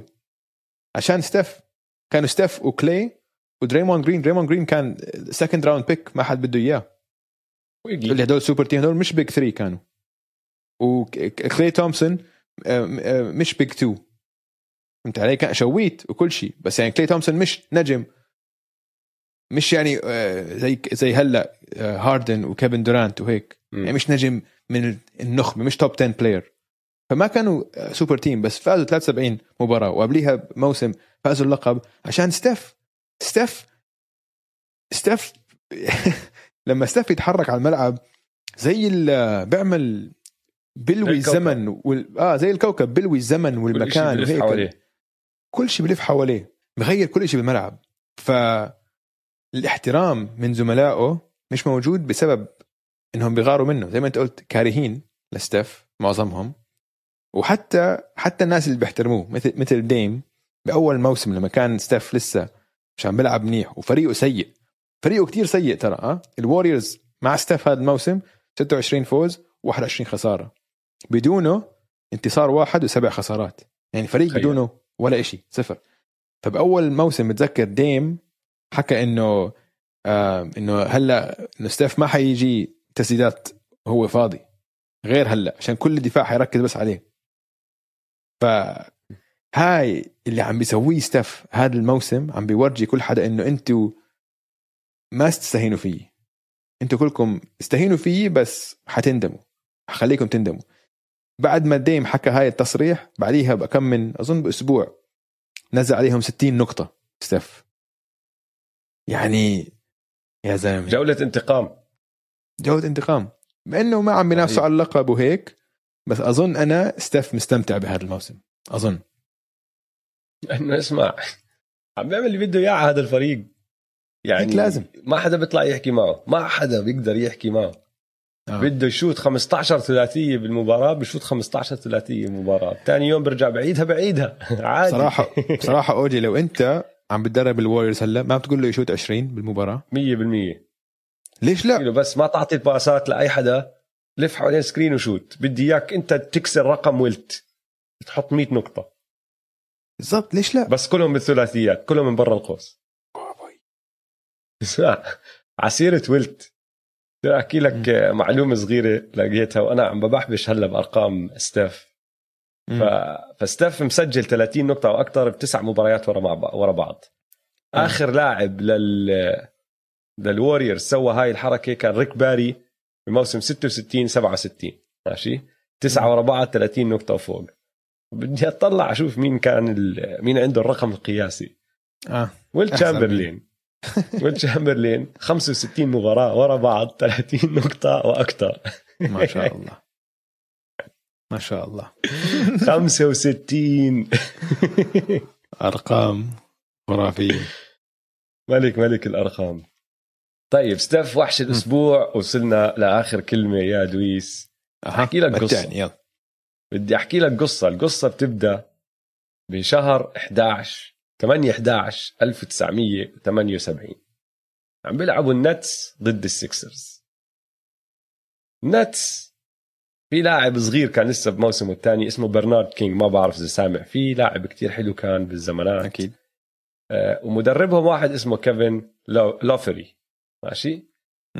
فبهاي المباراة برنارد كينج عصب ماخذ tech وبعدين عصب على شغلة اندفش وهيك. وبده فاول ما اجى فاول صار يفعفط ويعصب وهيك راح الحكم أعطاه technical تاني. برنارد طلع من الملعب معصب وهيك وصار يزتزت أشياء يضرب كراسي. في حكم تاني ما لاحظ إنه الحكم الأول معطيه tech فأعطاه tech صفى ال tech الثالث. ضد القوانين هذا الإشي ماشي؟ okay. فأنت ما بتقدر تعطي آه، لاعب ثلاث ثلاثة technicals بمباراة. بعد ال technical الثاني بنكحش وخلص. مم. النتس خلصت المباراة خسروا.